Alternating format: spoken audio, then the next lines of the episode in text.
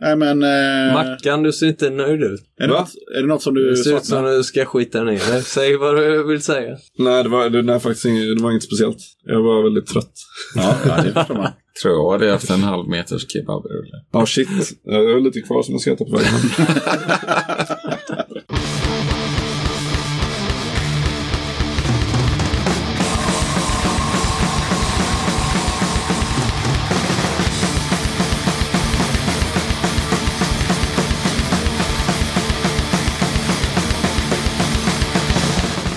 Välkommen till avsnitt 6 av Döda katten podcast som görs av mig, Yxan. Jag tänker börja med att tipsa om några schyssta grejer.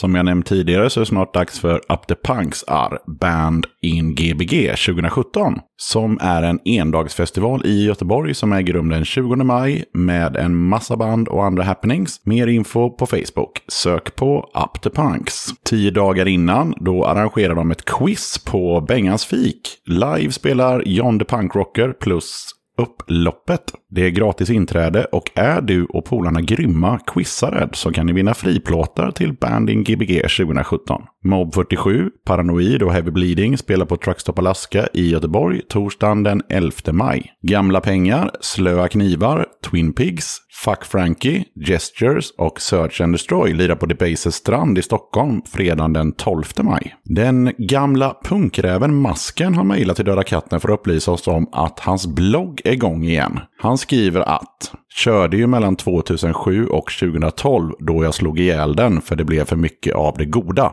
Alltså det han slog ihjäl var sin gamla härliga blogg. Det rasade in plattor att recensera och till slut så kändes det mer som ett tvång än att det var kul. Men nu, efter fem års paus, så bestämde jag mig för att testa igen. Suget kom tillbaka nu när ungarna blivit lite större och distron lades ner. Tanken är att det även ska komma lite intervjuer vad det lider. Alla gamla inlägg finns kvar så är det någon som inte varit inne och kollat förut så är det bara att börja från 2007 och beta av, hälsar Masken. Och Maskens schyssta blogg med fokus på punkten hittar du på bloggasfuck.se blogspot.se. Alright, skriv gärna vad ni tycker om podden och tipsa gärna om band och spelningar eller vad fan ni vill på Döda Kattens Facebook eller skicka ett mejl till dodakatten gmail.com. Döda katten finns även på Instagram. Skriv gärna också vad ni vill att eh, kommande avsnitt ska handla om. För er som inte använder er av Facebook och Instagram så finns katten även som blogg med länkar till alla avsnitt och bilder och tävlingar och så vidare. Den sidan hittar ni på dodakatten.blogspot.se. Okej, då kör vi igång och den här gången har Döda katten bjudit in tre trummisar för att snacka om allt från D-takt till Satyricon via punk, metal, ostiga trummisar, materialsport och den stora frågan om batteristen i The Police. Döda katten podcast. Okej grabbar, välkomna till Döda katten podcast avsnitt 6. Vi börjar med att varje person laget runt drar en presentation enligt mallen namn och eventuellt smeknamn eller öknamn och vilka band man har varit med i och är med i idag. Ja, okej. Hej, jag heter Marcus. Uh, har inga smeknamn överhuvudtaget.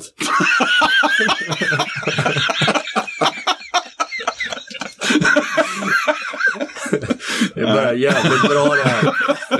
Bra, bra, bra, bra icebreaker. jag, jag vill inte förhäva mig själv så. Uh, jag spelar just nu i Gamla Pengar.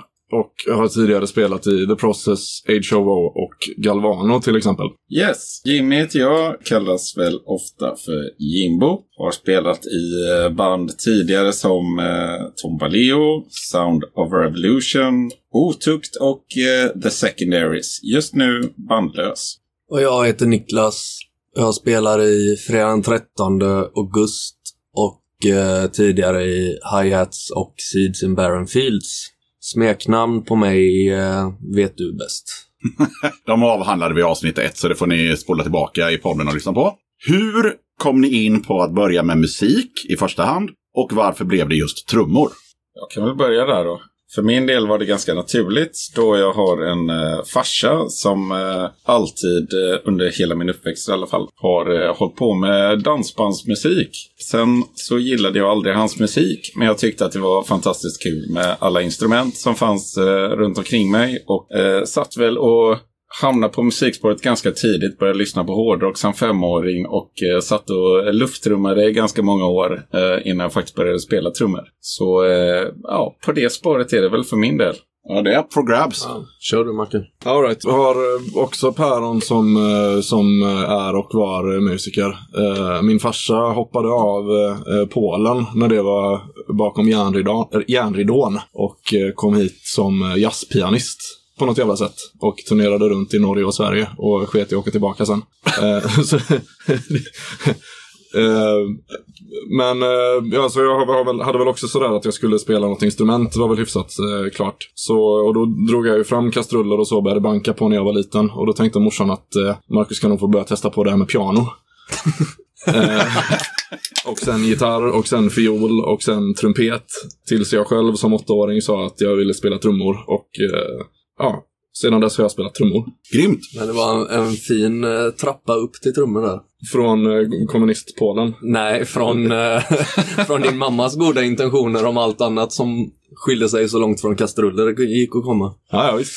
Ja, nej, för min del så var det väl... Eh, eh, min pappa spelade trummor i sina tonår liksom.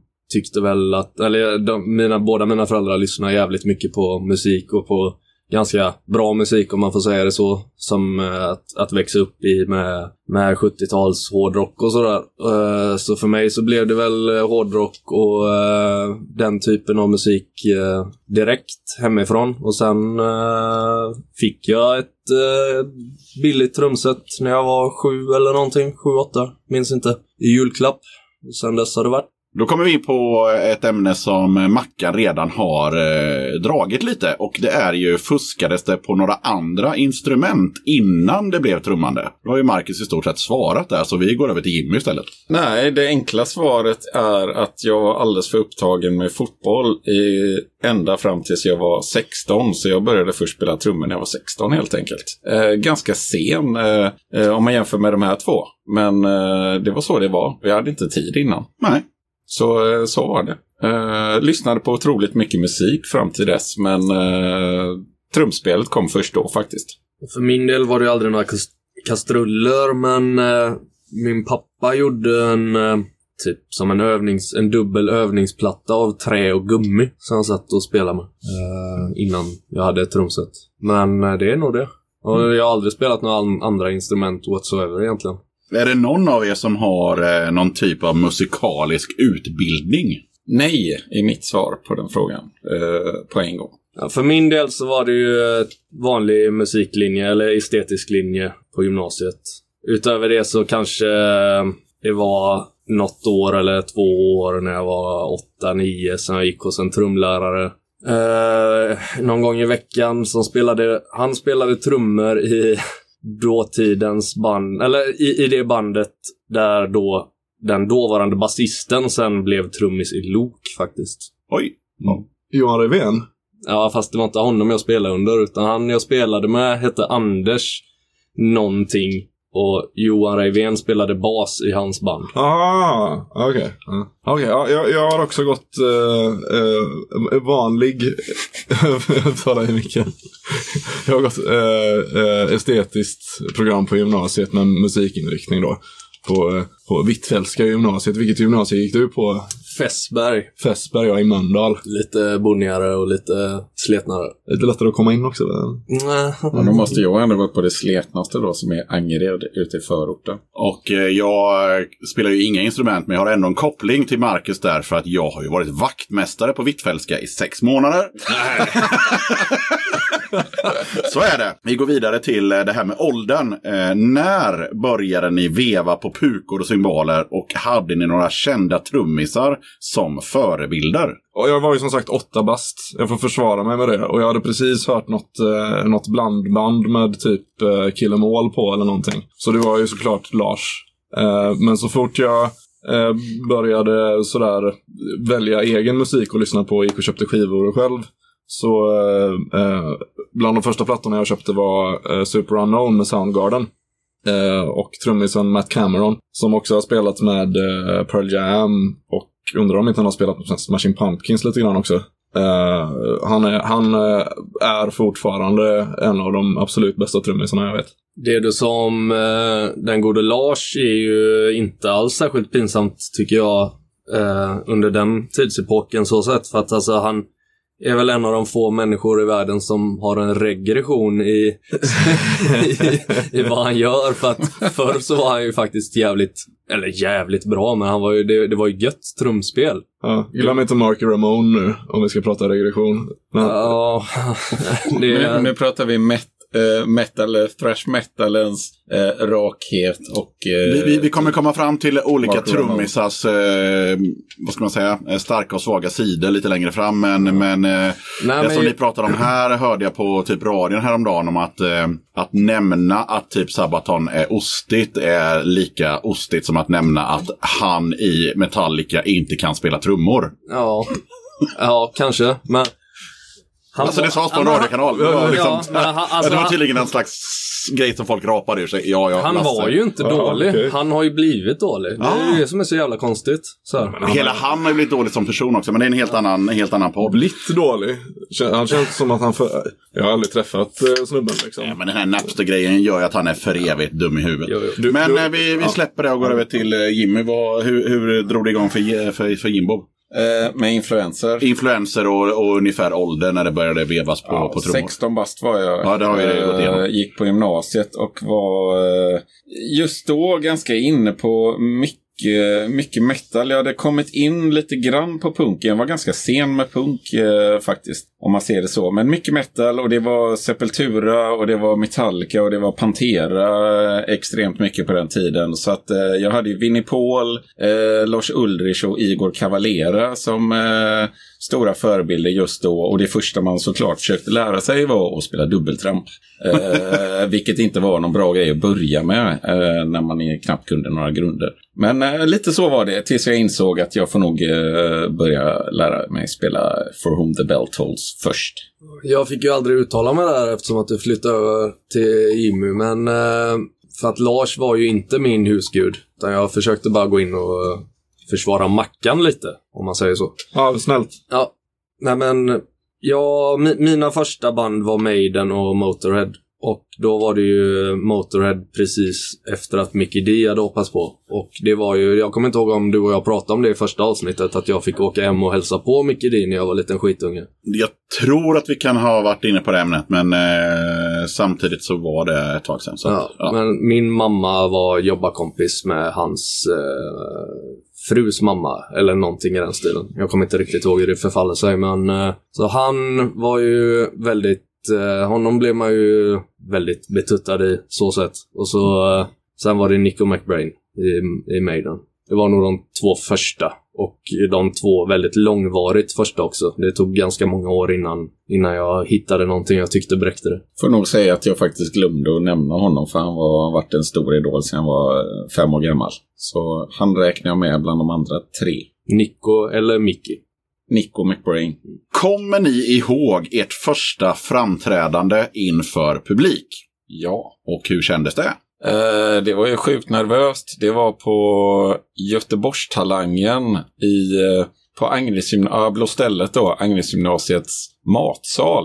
Det jag även precis hade gått på gymnasiet och jag var kanske 20 år gammal med Tom Baleos första uppsättning av medlemmar. Vi var tre stycken. Det var jag, Mattias och Per och gjorde vår första spelning och spelade där ungefär fem sex låtar och var ganska klapprötna egentligen. Men eh, var ganska ändå inspirerade efter det och tyckte att det var kul att fortsätta. Så att eh, ja, på den vägen. Det var mitt första.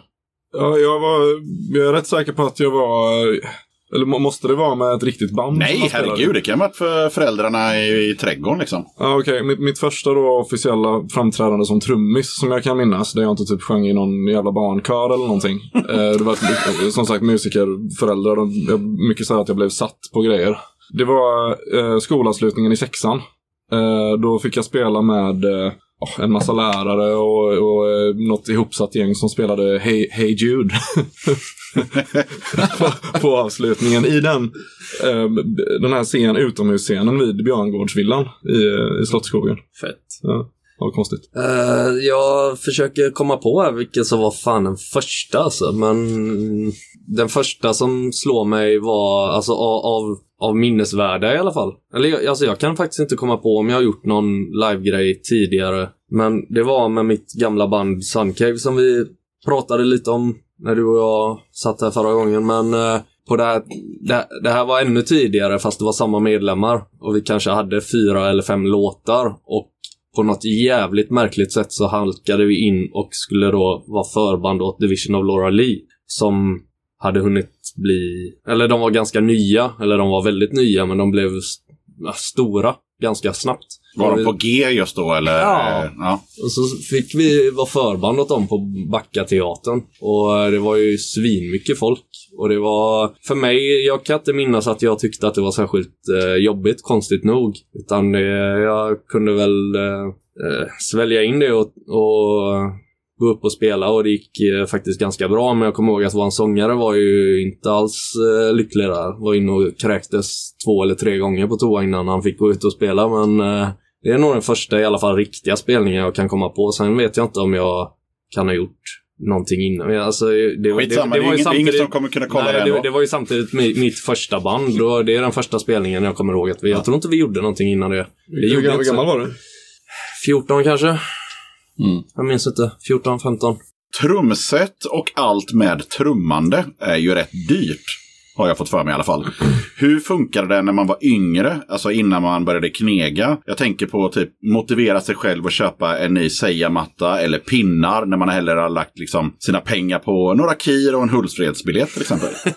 Jag får nog säga så här att eh, i mitt fall så hade jag ett eh, söndagsjobb medan jag gick på gymnasiet i alla fall och eh, delade ut GP. Så att, eh, men jag hade inga problem med det där. Jag spelade fotboll samtidigt då så att jag var aldrig ute och festade på den tiden. Jag hade inte tid till det. Så att jag, eh, jag köpte mer än gärna nya trumgrejer om jag hade pengar till det helt enkelt. Eh, jag tyckte att det var det roligaste jag någonsin hade börjat med. Så att för mig var det inga motivationsproblem eh, till det alls faktiskt. Nej, men som, som ung så fick man ju spela på trasiga symboler länge. Och med flisiga stockar länge liksom. Och så fick man önska sig det i födelsedagar och julklappar. Alltså så länge man inte hade någon inkomst så fanns det ingenting att göra åt det. Att hoppas att det kom till en. Var det så här typ att ska vi repa på lördag Nicke? Nej, jag har inga trumpinnar. Nej, så illa har det aldrig varit. Men eh, Men vi kan repa om ett halvår när jag fyller år. Och då kommer jag dessutom ha en ny virvel. Det kommer bli jävligt mäktigt. Nej, men eh, för, för min del har det i alla fall klarat sig. eh, Jag började ju heller inte spela i band förrän lite senare liksom. Och då eh, kunde man väl styra lite över sina egna pengar också. Alltså man hade ju inget band när man var barn, liksom. I den bemärkelsen. Jag tänkte på typ 16-17 års åldern där. Liksom. Ja, men Eh, då, ju- då har man ju fortfarande fått tummen ur och börjat jobba lite och börjat få prioritera och eh, bestämma vad, vad man ska göra med sina, med sina pengar och sitt eget. Alltså då hade man ju sommarjobb och man hade, även om man gick i gymnasiet så jobbade man som, som jag, jag var ledig på fredagar och jag slutade typ 11 på tisdagar eller någonting. Då, då hade jag jobb på eftermiddagarna liksom. Så Snyggt. man fick ju göra vad man kunde. Eh, sen fick man lägga då pengar på, på eh, förbrukningsmaterial. Men eh, annars så hade man lagt det på annan skit istället. Tv-spel och godis eller sprit eller vad fan vet jag. Eller, eller två kir och en, eh, och en Hultsfredsbiljett som, som jag hade i frågan. Vad, eh, Mackan, hur, hur, hur gick prioriteringarna eller flödade pengarna över, över, över Mackan? Nej, jag, vet- ja.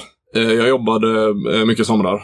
Från att jag var, hur gammal, ja, 14 va? tror jag. Så jag, Varför, varför frågar du Jimmy om hur gammal du var när du började jobba? nej men jag började fundera så här, hur, hur gammal måste man vara för att få... Inte fan vet jag. Nej, Jag har ingen aning. Men, eh, nej, men, Jag plockade jordgubbar när jag var typ 12 vad jag kommer Jag ihåg. ska, jag ska säga runt 15 innan eh, något företag accepterar att ha någon som eh, tjänar lite pengar. Ja, just det. Men man hade ju så här feriearbeten och sånt. eh, Så jag jobbade ju varje sommar från att jag började högstadiet. Plus att man får ju börja smått och få kanske något billigt kit av, eh, ja, vem som nu är. Men det kan ju vara extremt billiga grejer. Det viktiga är att det inte är så jävla dåligt så att man, att man blir trött på det direkt. Att man inte känner för att fortsätta. Och sen, så fort jag hade liksom jobbat ordentligt en hel sommar så hade jag ju råd att köpa ett eh, någorlunda bra kit. Och det har, det har jag kört på sedan dess. Det handlar bara om att liksom, ja, nu, nu är det ju bra sletet efter ett gäng eh, gig och så vidare, men det handlar bara mycket som Nicke snackade om med Underhålla det. Ja, men exakt. Det är ju mekaniska delar liksom. Mm. Så länge inte stommarna spricker så går det ju att liksom, Exakt. ja, kan ju valsa om eller vad fan som helst liksom. Ja, jag är helt enig. Då fortsätter vi lite på, eh, på hårdvaran i, i, i trummeriet. Har ni något eh, favorittrumset? Och då tänker jag liksom hela sättet. Är det så att man ligger och, och drömmer av något Ludwig-sätt som man har... Eller hur ser det ut? Jag, eh, jag, jag gillar ju Ludvig, det gör jag. Och eh, jag har alltid drömt om att ha ett riktigt sånt eh, fullfjädrat eh, Bonham-kit. Med eh, stor jävla kagge och, och eh, stora jävla pukor i. Några svintjocka eh, lönnstommar på typ fyra, fem lager eller någonting. Eh, det, är- det är en dröm. Sen vet jag att det soundet man får i de burkarna, det är inget sound jag kommer kunna använda så mycket till den musiken jag spelar just nu. så det är bättre att ha lite, lite mindre. Det blir som en utställningsbil. Så här, man, man köper en fin bil och har i garaget för det är så här, ja, men jag, alltså, istället för att man faktiskt köper en bil som skulle vara kul att köra så köper man en som är snygg att titta på. Mm. Eller? Är jag ute och... Ja, men man- precis, man ska ju bli glad av att se grejerna. Man ska, ju, man ska ju bli glad av att sitta där. Det är ju någonting som hade varit jävligt kul att sätta sig och banka på det bara för sig själv. Sen, eh, sen till vardags kanske man kör en Skoda då. Ja, jag gillar jämförelsen. Ja. Vad säger Jimmy? Har, har du någon våt dröm om något mäktigt trumset? Jag är lite inne på, eh, på Mackans linje där, men eftersom jag alltid varit lite av ett, eh, ett metal-freak och dessutom så här uppväxt eh, med eh, 80-tals hårdrocken då allting var jävligt flådigt och eh, de, spel, de hade större trumset eh, än vad de alltid egentligen behövde. Eh, men jag Eller skulle egentligen... Ja, eh, det också. Jag ja, håller helt med dig. Eh, nej, men jag skulle väl eh, vilja ta det absolut största trumsetet ever med så mycket symboler som möjligt bara för att kunna sitta och leka med det. Eh, det är en våt dröm eh, som jag aldrig eh, kommer göra till sanning. Eh, Men eh, det, ja, det kommer förbli en dröm helt enkelt. Men eh, dubbla baskaggar, sju puker och 30 Siljan-symboler hade ju varit fint någon gång. Vad säger Nicke?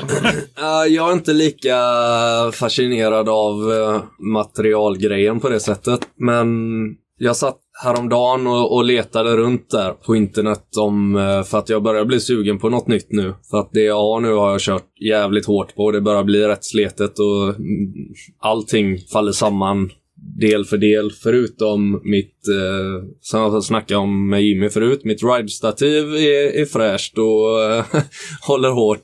Och mitt hi-hat-stativ är fräscht och håller hårt. Och det glömde jag i Köln i fredags. Aj. Så eh, nu ska jag försöka få hem det i alla fall. För jag kollade häromdagen då vad det kostar och då kostar det ungefär 2 och 2.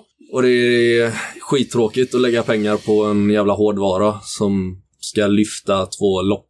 Så det ska jag försöka få hem. Men annars så är jag inte så jävla peppad på, på de här grejerna. Sen har jag ju en eh, fantasi av att få spela i ett skitmäktigt dödsband och också få spela på dubbelkaggar med fyra puker och två golvpuker och eh, sex eh, crashar någon gång. Men eh, jag tror inte jag behärskar skiten, men det hade ju varit jävligt roligt att sitta och leka med naturligtvis. Eh, men nej, men för att gå till ursprungsfrågan om det finns någon så här fuck yes, det här är fett. Så något specifikt märke? Nej, inte egentligen. Uh, och inte få sitta och göra reklam, men eh, det, det enda symbolmärket som jag känner att det här är det bästa, det här vill jag fortsätta med, det här vill jag inte gärna sluta med, så är det Sabian faktiskt. Då hör ni det. Eh, Sabian, hit med stålarna. Eh, till Nicke. Så eh, fixa det. Vi har helt enkelt konstaterat att vi har tre våta drömmar. Eh, Medan en kille är lite mer realistisk eller någonting sånt. Jag vet inte. Men vi går in på... Vem av oss? Ja, du var ju den som var minst eh, peppad på, på råmäktiga trumset. Eh, Medan de andra eh, var mer att de har det som en dröm men det känns inte som att de kommer förverkliga det.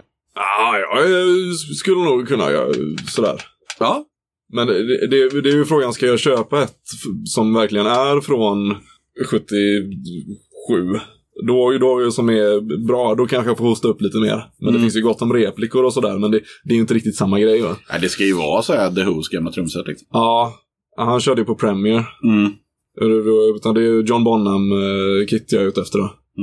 Bra punkljud på virven specifikt. Vad säger vi här? Ska det vara en 6,5 eh, med så här ganska låg stämd? Eller ska det vara någon fet så här, tama 8-tummare spänd som satan? Jag kan börja där. Jag har alltid kört på en fem och en halva eh, så länge jag kan komma ihåg. Och jag har alltid, eftersom jag är sämst på att stämma trummor, så har jag alltid skruvat alla skruvarna så hårt jag kan.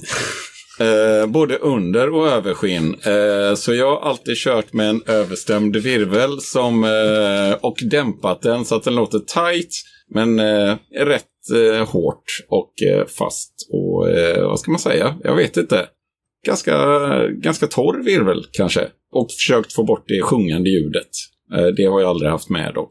I början av min punkveva så var jag väldigt inspirerad av det här 90-tals HC, framförallt de här svenska 90, sena 90-tals eh, banden när det skulle vara jävligt snärtigt och jävligt högt. Så då hade jag ju en 3,5 tums jättesmal virvel. Som jag, ja, så han stämde hårt något så in i helvete med såna äckliga Evans-skinn med hål i längst med kanterna. Jag, tän- jag tänker snapcase när du, Ja. när du eh, pratar om detta. Vilket Precis jag så. älskade också. Ja, men det, det var lite för många år av den virveln som alla, alla spelare, eller alla, men eh, den, den genren. Eh, det blev jävligt tråkigt ganska fort. Och jag han, tack och lov han slutade med det innan vi började spela in någonting med fredagen. Uh, då gick jag mer på ett vanligt virvelljud, alltså standard 5,5 med vanligt eh, uh, ambassador-skinn och uh, normal stämning, så att säga.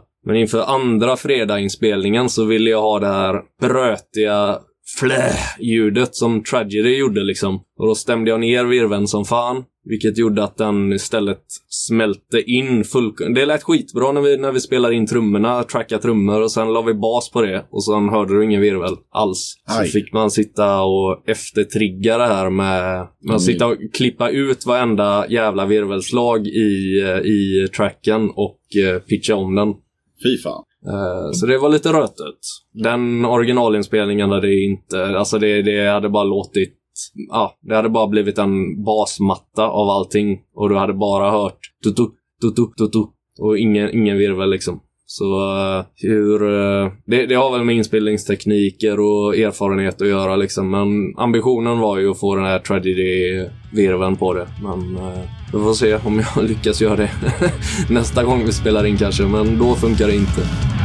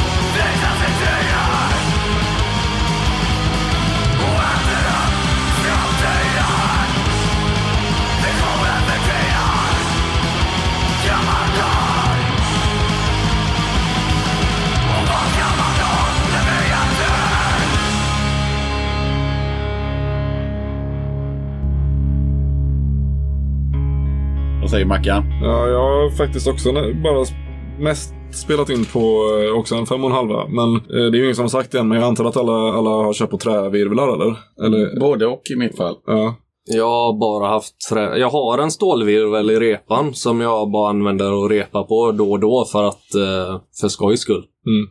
Den har Peter från som spelar med dig i Process och som nu spelar bas i Fredan släpat med sig som han har stulit av ett icke nämnt annat band. Jag, vet, jag vet vilken trumma du pratar om faktiskt. Men, Eh, och den låter jävligt gött. Alltså jag har Mm. absolut ingenting emot stålvirvlar, men eh, jag föredrar trävirvlar. jag, jag, jag tror mycket på, på s- stål eller möjligtvis mässing nästan.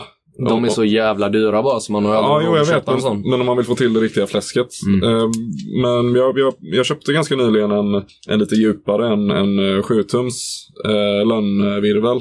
Som har ganska tjocka men ganska få lager. Och den, eh, den verkar jävligt eh, mångsidig. Så jag tror att man kan, man kan göra det mesta med den. Men jag har inte testat den i studion än. Så att det blir en, en liten björk 5,5 som man fick med trumsetet. är det jag har kört.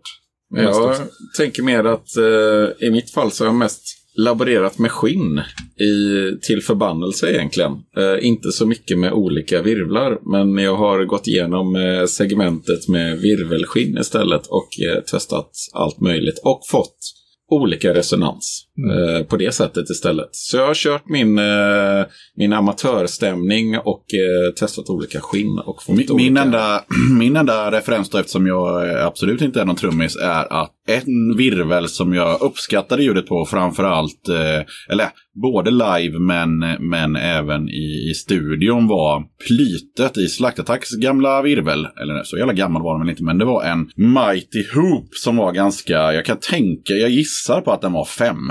Eh, den var ganska sådär någonting, men den hade, den hade en, eh, eller? Eh, så där som du visade nu, det är typ en eh, tre och en halva. Okej, då var det inte en tre och en halva då, men då, då, då får jag ta i lite mer. Men den, den såg, när man, när, man, när man bytte skinnet, eller vad säger jag, när man bytte virvel, eh, när man spelar på en spelning, när man delar på trumset, och han kom med sin eh, lilla virvel, så såg den oftast ganska mesig ut jämfört med eh, föregående trummis. Eh, och de tittade lite snett på honom, men det var bra skjuts i den, alltså det var ju bra bra snärt på den och framförallt när man på, på, på punktspelningar spelar D-takt eh, halvruttet mickat, oftast bara baskaggen, så var det bra att den var där för att man hörde den helt enkelt. Den Framförallt- tränger kanske- igenom Den tränger igenom, ja precis. Men det kanske var en eh, Piccolo han eh, körde med. En tre och en halva. Ingen aning, jag kommer bara ihåg att det stod För Mighty är det någonting den de har den så är det var ju just så... Om snabbt. du vänder dig om och tittar på, eh, på Charlies här. den var nästan dubbelt så smal. Ja. Nästan. Den är ju en fem och en halva. Okej, då, ja, men då snackar vi då fan. Så är Piccolo. Ja, Kanske. Kanske. Eller, Åt det ja, hållet. Åt det hållet. Ja. Sen får jag bara- Sidospår. Ja, Mighty Hoop är ju också det är ju en, en speciell typ av sarg då. Som Yes. jag, jag tror att det är Pearl, eller? Så att det, det kanske Är det var- samma sak som Thomas Diecast? Eller alltså att den är gjuten? Ja, precis. Jag tror det finns något som heter Mighty Hoop. Så finns det S-Hoop också. Ja, skitsamma. Det finns ju pressade sarger och så gjutna sarger. Mm. Och det har ju... Jag vet inte, ärligt talat, jag är inte så jävla inskolad i...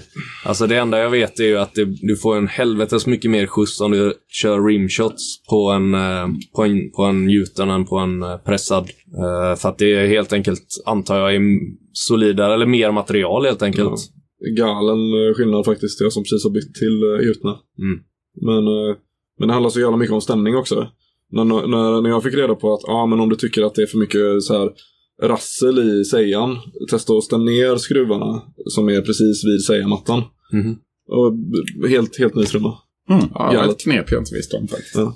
Det var lite det vi pratade om förut. Om eh, det jag tog upp att jag ans- Jag tycker ju att det är viktigare med, med skinn, val av skinn och vad, eh, hur, hur man stämmer än vad du egentligen har för, för trumma bakom. Alltså det gör så jävla, jävla mycket mer. Du kan ju få skitbra ljud i Pearl Export. Som du kan få ett helt kit för 5000 för. Alltså köper du ett, eh, ett Star Classic för 15 eller 20 000 och inte vet hur det stämmer det och du sätter på någon jävla skräpskinn så klart som fan det kommer låta bajs ändå liksom. Så skinn och stämning är ju viktigare än stomme tycker jag. Det är, alltså vi spelar ju punk liksom, vad fan. Ja, det kan vi prata länge om och vi kommer säkert komma tillbaka till det. Men eh, visst, eh, från, från, från mitt perspektiv som, som inte har någon större aning och det är ju därför också vi har den här podden. Det är säkert många andra som tycker att här nördar vi ner oss och det är exakt det vi gör. Så tänker jag så här att ja, men man gör som man vill, men, men, eh, men trummeriet är ändå en typ av materialsport. Alltså det är väldigt, man kan prata länge om, om eh, olika skinn och tillverkade och, och, och liksom eh, trummorna i sig och hur många lager och det ena med det fjärde. Vi släpper det för tillfället och eh, går över på, på tal om punk. Hur tycker ni att man ska spela D-takt så att det låter bäst? Och vad tycker ni om fusk D-takt? Ska jag börja där? Vem fan som helst.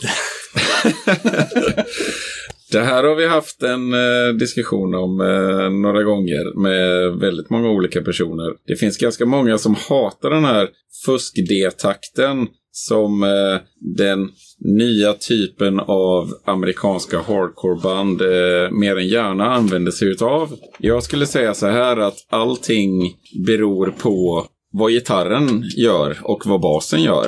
Eh, hur man ska spela en D-takt.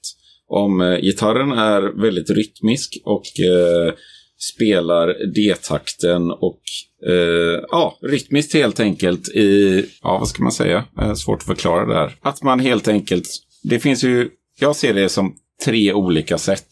Jag har krustsättet där D-takten spelas där kaggen och cymbalen synkar varandra. Och sen så har vi eh, punkrocksättets eh, D-takt eh, där man kör eh, åttondelar på hi-haten och eh, ja, spelar den väldigt rak. Och sen så har vi eh, den så kallade fusk-D-takten då, där man egentligen bara markerar hi-hat och virvel samtidigt, men baskaggen gör sin grej för sig. Allting beror på, eh, kort sagt, hur gitarren spelar för mig. Det är mitt svar. Vi kanske inte är överens om vad, vad fusk-D-takt är, men jag tänker att eh, ni två får, eh, får fortsätta och, och, och svara på frågan. Nej, jag fattar inte. Vad, den här amerikanska fusk-D-takten som kommer att... eh, vi- Vilka, kan, säga ett, kan säga ett band? Ja, men jag förstår vad han menar. Alltså, Är det, är det bara duttas, das, duttas, ja, das? du, du, du, du detaktar på vanligt sätt med, med fötterna, eller med foten. Vadå? Precis. Yes. Det här kanske inte lät så bra nu när jag snackar. Nej, nej, Men eh, alltså is, istället för som i en eh, korrekt D-takt där du spelar, där du följer baskaggen med hi-hat-handen eller s- nu, nu ponerar vi att vi alltid spelar hi-hat för enkelhetens skull. Ja. Då följer du fot, baskagge fot och hi-hat-hand ihop. Det antar jag eh, ses eh, som den generella D-takten. Ja. Och sen har vi det som Jimmy Ja. eh, pratar om som i, i hans i alla fall, eh, fall är fusk-D-takten. Det- Då går du med virven istället. Så du, det, du lägger ju den som, det blir ju nästan som en, ett backbeat till, till rytmen. Ja, ja, okej, men då, ja, okej, ja. Så det är helt enkelt att man, man fuskar med triolerna i, i, i högerhanden eller? Ja, du kan ju sösa med handen jävligt hårt. Alltså Ja. så länge du då markerar virven istället. Alltså du, du markerar ju det som inte alls markeras normalt sett. I en. D-takt. En D- Alltså det är en, la, det är en lathetsvariant. Nej, det är ingen då lathetsvariant. Det har ju, det har ju med, med groove att göra. Groove Ja, fast då, och då, flyt då, då, göra. tänker vi, då tänker nog eh, jag på en helt annan... Jag tänker på när man spelar en liksom rutten tvåtakt eller vad det kan kallas. Där man liksom försöker ge illusionen av att man spelar D-takt. Då liksom, tänker du mer på lata människor med ett dubbeltramp. Ja, som sitter och typ- fiser med, med båda fötterna. Så kan det vara. Så kan det vara. Jag googlade runt lite på det här i, igår. Och eh, begreppet fusk-D-takt, det nämns ganska ofta. Och man talar om att, det, att man är lat eller att man faktiskt inte är så pass kompetent så man klarar av det här med att det faktiskt blir dutt, dutt, dutt, dutt. Man klarar inte Då- av den grejen. Så att man, man kör rakt istället. Men man försöker ge en illusion av att man spelar någon typ av D-takt. Vet du vad jag tror du tänker på? Nej? Då, alltså, Tänker du på skate-D-takten? Jag tänker på de typ... Det är den vi kallar den, den, fusk hardcore Ja, eh, Dutta, D-takten. dutta, dutta, dutta, Ja, ja. Men eh, det Yxan tänker på, tror jag, är av eh, typ som Agnostic Front har gjort de senaste åren, sen de blev jävligt mycket metal mer än punk, är att de sitter och rr, rr, med, med någon jävla dubbeltrampsgrej, fast som går bakåt. Jag kan inte förklara det i... De lägger en flam helt enkelt. Ja, en skitful flam istället för att eh, spela singelslag med högerfot för en högerhänt trummis. Eh, så lägger de någon äcklig flam med dubbelpedal Ah, istället. Och den, det är det värsta jag vet. Jag kan inte lyssna på det. Jag måste stänga av eh, en sån platta. Jag tycker det är så jävla vedervärdigt dåligt. Då måste det vara det jag tänker på. För det var, det var ungefär så det lät i olika forum när man började prata om fusk-D-takt. Det låter, det låter helt sjukt.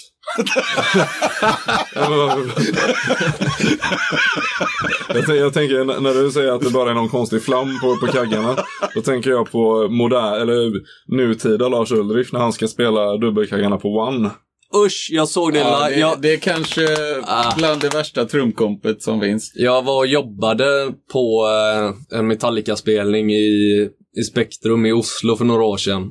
Och så stod jag där med någon annan svensk som också var där. Vi, vi var där och, och byggde och rev scenen och så fick vi en massa jävla... Eh, allting gick jävligt smidigt och fort så att vi fick en massa tid över och eh, fick helt enkelt gå och kolla på hela spelningen i lugn och ro. Vi skulle sen eh, riva kablar efteråt. Ja, skitsamma.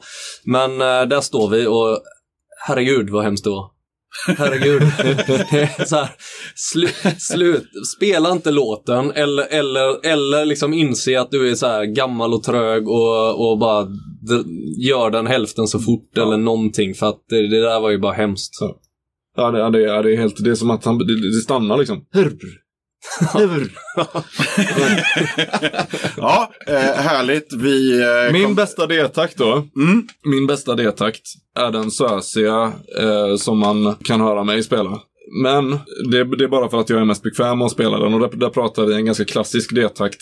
Men där fraseringen ligger lite efter på något sätt. Så att, vad ska man säga? Jag spelar alla de vanliga slagen men, men eh, cymbalen är lite såsigare på något sätt. Ibland så är den väldigt distinkt eh, när man hör andra spela.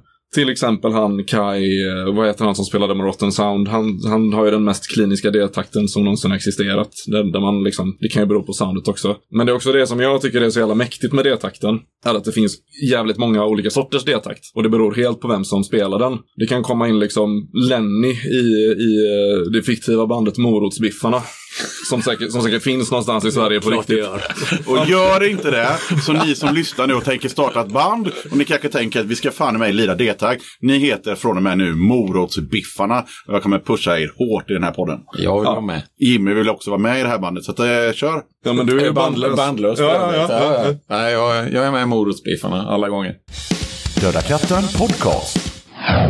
Jag passar på att hoppa in här lite snabbt för att berätta att du har möjlighet att stötta Döda katten om du tycker att det jag gör är bra och att du vill höra fler avsnitt. Döda katten sträcker ut en hand för att få hjälp med att fortsätta leverera avsnitt om punk och alternativscenen med regelbundenhet. Att driva Döda katten podcast medför kostnader i form av ljudhotellshyra, porto, teknik, domännamn, program, inköp av merch, resor och en hel del annat. Om du vill hjälpa podden ekonomiskt så är det ovärderligt. Det hjälper mig att driva podcasten men även utveckla innehållet, dels gällande gäster men även ljudkvalitetmässigt. Du måste absolut inte vara en Patreon för att kunna lyssna på podden. Döda katten kommer alltid att vara gratis för dig som lyssnar. Men om du kan tänka dig att månadsvis bidra med några kronor så kommer ditt stöd verkligen att uppskattas. Jag gör inte podden för att tjäna pengar. Jag gör det för kärleken till punken, för alla möten med härliga människor och framförallt för er som lyssnar. Eran feedback är den största anledningen till att jag fortsätter. Kika gärna in på patreon.com dodakatten. Länkar till kattens Patreon-sida hittar du på Döda Kattens Instagram, Facebook, Twitter och eh, på dödakatten.se. Ja, nej, men när, Conny sätter sig där bakom, bakom sitt eh, så här, eh, sätt som står färdigt i repan liksom, eh, och sätter sig och sätter en D-takt så kan det typ bli en D-takt. Men den, den kan låta lite hur som helst. För jag menar, du har allt ifrån liksom den tidiga svenska eh, D-takten, typ eh, Mob 47 och den eh, moderat likvidation D-takten. Den är ju jättekonstig. Han bara ramlar ju hela tiden på trummorna och så blir det en D-takt av det. Och där är det inte så mycket trioler heller på cymbalen utan där är det nästan att den liksom går ett dang, da, dang, dang, da, dang. Allt då till den extremt slaskiga och släpiga och som jag tyvärr också tror att det är lite dubbeltramp inblandat, inblandat när eh, Anders Jakobsson heter han i Nasum va? Den deltakten Ja, ja, men han, ja, men det är ju när det går sådär hysteriskt fort. Då, då sätter han ju sig med dubbelkaggarna. När man, när man Ja. grindar det takt. Nej, Nej, men nej, alltså nej. när han blastar så Jaha. kör han singelfot. Ja, okej, ja, men när han detaktar så, alltså i de extremt snabba partierna så dubbelfotar han. Ja, och så blir det någon dutt, dutt, dutt. Mm. Programledaren Yxan han är ju svag för eh, mid-90s eh, D-takten eh, som gavs ut på Finn Records. Det vill säga Flesh Rebels och Meanwhile och The Change. Där man, eh, där man liksom, här är det ingen jävla snack. Eh, vi mixar den här jävla baskaggen så du hör den. Eh, så det låter verkligen dupp och dupp och dupp, dupp och dupp och dupp hela tiden. Ganska kliniskt men ändå jävligt punchigt. Kanske lite för högt mixat men eh, ja, skit i det. Men, eh, ja. Min referens till det som du pratar om det är väl eh, Wolf Brigade i så fall.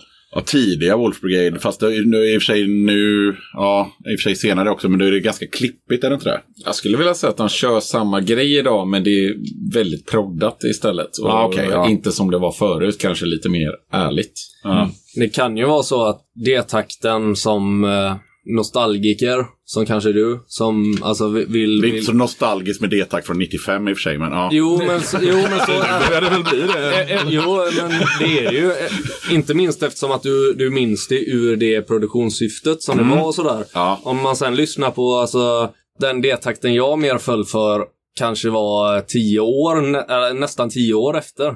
Med, alltså D-takt har jag ju lyssnat på i många år tidigare, men tills jag kände fan vad bra det här är. Då var det ju kanske med, alltså med, med Tragedy och med eh, Dysphere. Dysphere och eh, From Ashes Rise och sådär.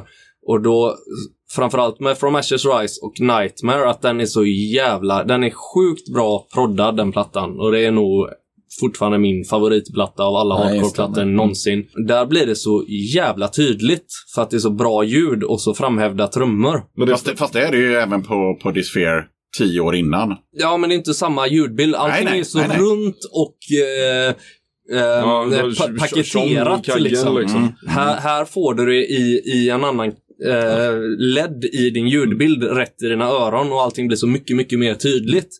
Och, Att och det, då- det, det blir också, förlåt att jag avbryter, men just på Nightmares-plattan så blir det supertydligt i partier där det är eh, eh, mycket solobas. För att basen, om man bara lyssnar på den så låter den skitdåligt på den plattan. Det är någon sorts torr jävla liksom. Men ihop med allt annat så blir det hur mäktigt som helst. Mm. Och trummorna också i sig så låter det som att det är någon gammal jävla eh, Fat Wreck-släpp eller någonting Mm. liksom. Det är så jävla liksom komprimerat och, och stämt och typ lite lagwagon eh, Men det blir sound tillsammans. Ja, men exakt tillsammans så blir det det här att det blir ty tydlighet i an ensemblen, får jag väl säga då. Jag kommer inte på något släckare ord. Men jag skulle vilja... Ett litet i alla fall försvar till fusk-D-takten då. Det skulle jag vilja säga att det har att göra lite med, eh, med just det vi, som eh, Mackan eh, nämner nu. I mixningssyfte så tror jag den har kommit till många gånger. För när du har en riktigt kompetent trummis som är sjukt duktig på allting och egentligen hade kunnat spela den på det vanliga sättet, eller det vi anser vara vanligt i alla fall, eller vanligare, så väljer de bort hi-haten för de vill ha mindre skrammel i sin produktion helt enkelt. Och därför så markerar de den på virven istället. Inte för att vara lata tror jag, så många gånger, utan live så kanske de sitter och kör den så ändå för att det känns gött. Men man spelar in en skiva så vill man inte alltid ha så mycket symboler och hi-hater hela tiden. Hey, I'm Brian. Um, just want to show you what uh, D-beat drumming is and what it isn't. D-beat is a uh, punk drumming style we did in the um, early 80s with Verucas, Discharge and bands like that. Pure simple, cymbal, it's pure and simple, sorry. Cymbal, bass drum, snare drum. It's not, you know, it's not with the cymbal, it's, uh, it just don't sound right. It's with the cymbal, like this.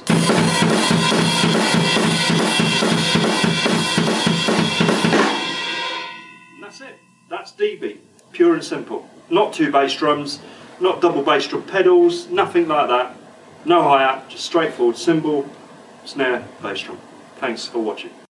Det vi kollade på var Brian Rowe som är en av de första D-taktarna som lirade D-takt i barukers back in the days. Länken till klippet som eh, de här trummisarna som är i studion idag har eh, fått titta på kommer att läggas ut på Döda Kattens Facebook och Döda Katten, dodakatten.blogspot.se för er som är så jävla true att ni inte ens har Facebook. Vad säger ni efter att ha kollat på videon gubbar? Jag har... Eh, det första jag tänkte på när jag såg videon och hörde bitet som han spelade. Det var att för mig så är det punkrockens D-takt. Och det är för att min första influens inom punk var Bad Religion. Och deras trummis spelade exakt på det sättet. Å andra sidan så har Bad Religion betraktats som ett hardcoreband en gång i tiden när de precis började. Och säkert var influerade av det som eh, Barookers och de gjorde på sin tid. Ingen aning. Eh, jag bara... Antagligen jag, så kikar de ju på England såklart. jag bara, ja, jag Ja. bara tänker nu. Men för mig så eh, spelade Bad Religion punkrock och eh, därför så har jag anammat den typ av beat till punkrock. De har ju även blivit placerade också av fel anledning tycker jag i skatepunkfacket Bad Religion. Ja, Men, det, men jag tror det var mera eh, Battle Linjen som, som varumärke bland skatare på, på, liksom på 90-talet. Man hade gärna Ja. Battle Linjen, tisha och, och, och sticker på brädan och så vidare. Mm, och, det hade du väl med, med Minor Threat och så. ja, i och för sig, i och för sig. Men ja, Och Public Enemy. okej, okej, vi kan ta det hur långt som helst. Men, men jag, de, de, de, det var ju inte de själva som, som gjorde sig till ett, ett eh, quote unquote skateband. Det var ju mera eh, folk som lyssnade på, på dem tillsammans med vad som faktiskt var skatepunk och så va, klumpade ihop det där lite osmidigt kanske. Jag måste ställa en fråga för att jag har inte så bra koll på eh, hur, hur punken uppstod och sådär. När, när, när satte sig den här snubben och gjorde det här som man kallar för D-takt? Var det, var det före eller efter 81? Vi kommer tillbaka till det lite längre fram. Okej. Han har gjort lite research, nämligen programledaren. Så att, eh, vi kommer prata om lite ännu äldre D-takt eh, lite längre fram. Men just nu tänker jag att vi håller oss kring vad den här snubben visade, vad han tyckte var den riktiga D-takten. Han var ju också väldigt noga med att poängtera vad som inte är D-takt. Det vill säga eh, hi-hat var inte riktig D-takt, eh, dubbelkagga var inte riktig D-takt. Enligt honom, och då får man ju komma ihåg att han är kanske typ 57. Samtidigt så var det en av de mest vaga instruktionsvideos jag har sett i hela mitt liv. När han sitter mer och berättar om att "Ja, men kolla in mig på Wikipedia för där står det faktiskt att det är sant. Och så nu ska jag visa hur jag gör. Och så visar han i fem sekunder och sen drar han lite i sin mössa och så är det bra. Liksom. Ex- Exakt, vad är klippet? klippet är över en minut långt och han, han, han spelar i max sju sekunder. vi ska ju inte spoila det för de som vill gå in och kolla, men ungefär så kanske det. Men Men det, den, men det är så, gubb, gubbar kommer alltid att vara gubbar liksom. Ju äldre man blir desto värre blir man och vet hur saker och ting ska vara. Fan, det kommer hända oss liksom. Det kommer definitivt hända dig. Före oss andra. Jag är redan där. Men nu var det ju så här, precis innan vi, innan vi tittade på den här videon så tog vi, för er som inte sitter där i studion, så tog vi en liten pissepaus och sen eh, satte sig Mackan, eh, Jimmy och jag och spelade lite D-takt på Charlies trummor och kom fram till att fan vi har ju ändå helt olika preferenser. Även om vi har suttit och pratat om D-takt och sagt att ja, men det här tycker jag också, det här tycker jag, men så har vi hållit med varandra och sen har vi satt oss ner och spelat och så har det ändå varit fel. Och det är också ganska intressant, för hade vi suttit i en riktig podcaststudio, då hade det inte funnits något jävla trumset där. Nej. Och då hade vi suttit här och hållit med varandra och, och, och kanske sagt emot varandra teoretiskt. Men nu fick ni ta pinnarna och, veva lite och då var vi inte riktigt där ändå. Och så satt även då alla här och tittade på videon och sa att ja, men, här är en av grundarna av D-takt och han spelar inte D-takt. Tyckte vi. Så eh, det säger en hel jävla del om hur vagt D-takt är. Liksom. Alltså, D-takt spelade han ju, men eh, ja. Ja, men inte som vi trodde att han skulle anse D-takt vara. Men hur trodde du att han skulle dra loss? Jag trodde han bara skulle markera, jag trodde han skulle följa baskaggen slaviskt med sin högerhand. Med på, på riden där liksom. Det trodde jag. Men vad fan. Jag tror all, alla satt och väntade på vad han skulle göra med högerhanden. Ja. Att, Ja. att det var... eh, Han, han, han bara vevade. Han vevade. la fjärde, Ja. fyror. Ja.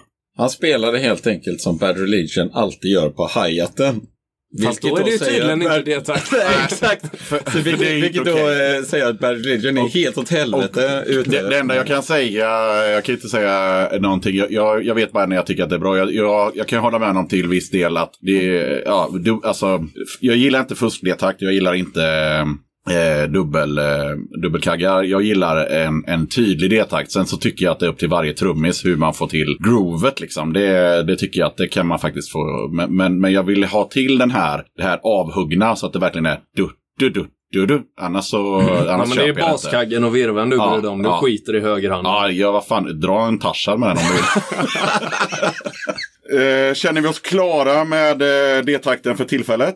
Ja. Ja, förutom det som det. vi var lite inne på där med när det blir för snyggt och det där kanske. Mm, det är faktiskt ganska viktigt att, att ha med. eh, men att det kanske är mer en produkt av våran tid snarare än om spelstil. Utan att eh, produktionsmedlen har blivit eh, skarpare och att det blir så jävla tydligt i kanaler liksom när man, när man spelar in och lägger upp det. Att det kan bli för sterilt. Som eh, mitt tydligaste exempel är på Trap Thems senaste platta. Trap Them är ett band jag tycker är svinbra och det är en svinduktig trummis. Men det blir så jävla eh, hackigt när man hör hur... Och då spelar ju han då fel kanske då, eftersom att han spelar på hi-haten. Just det här segmentet som jag tänker på då. Men att det blir så jävla tydligt med det här... Ps, ps, ps. Då, då är det inte en snygg D-takt. Nej, sen så kan jag tänka mig så här att alla, alltså, när man ska romantisera om hur det var förr och det, återknyta till vad, till vad Mackan pratade om innan här med, med Mob 47 och, och, och vad hade du mer? för- Moderat. Moderat liberation, ja precis. Så kan man även ta så här skitslickers och sådär. Jag menar, det är klart som fan, deras jävla sjuor spelades ju inte in på några liksom 28, 58 kanaler utan det kanske var någon jävla porta som de sulade iväg och tryckte i checken eh, och så vidare. Inte fan vet jag, men det var, det var liksom inga högproduktioner. Och då kom ljudet lite därifrån också. Och det, det kan vi prata om i något annat avsnitt när band idag försöker låta som band då. Det är ju också en, ja, det är en annan grej. Att de försöker låta risiga fast de har bra grejer och försöker låta som lät 81. Det är också en... Ganska svår eh, kombination med digital inspelning och försöka låta som på rullbandare. Men, Ja. Ja, men ens ha fler än en mick på, alltså, Ja, det där kan vi prata länge om, för, det, för jag menar, det är ju, det är ju också en, en, eh, det är inte bara begränsad budget för, för dem, utan det är ju också begränsning i teknik eftersom det var 1981, det var inte 2017, så av naturliga skäl så, så lät det som det lät. Det, men, men, men, förlåt om jag avbryter igen. Men lyssna på de gamla GBG-HC-samlingarna. De är, det finns två, tror jag, 81 till 84 eller något. Ja, just det. alltså 85 Ja, till. ja. Svinbra.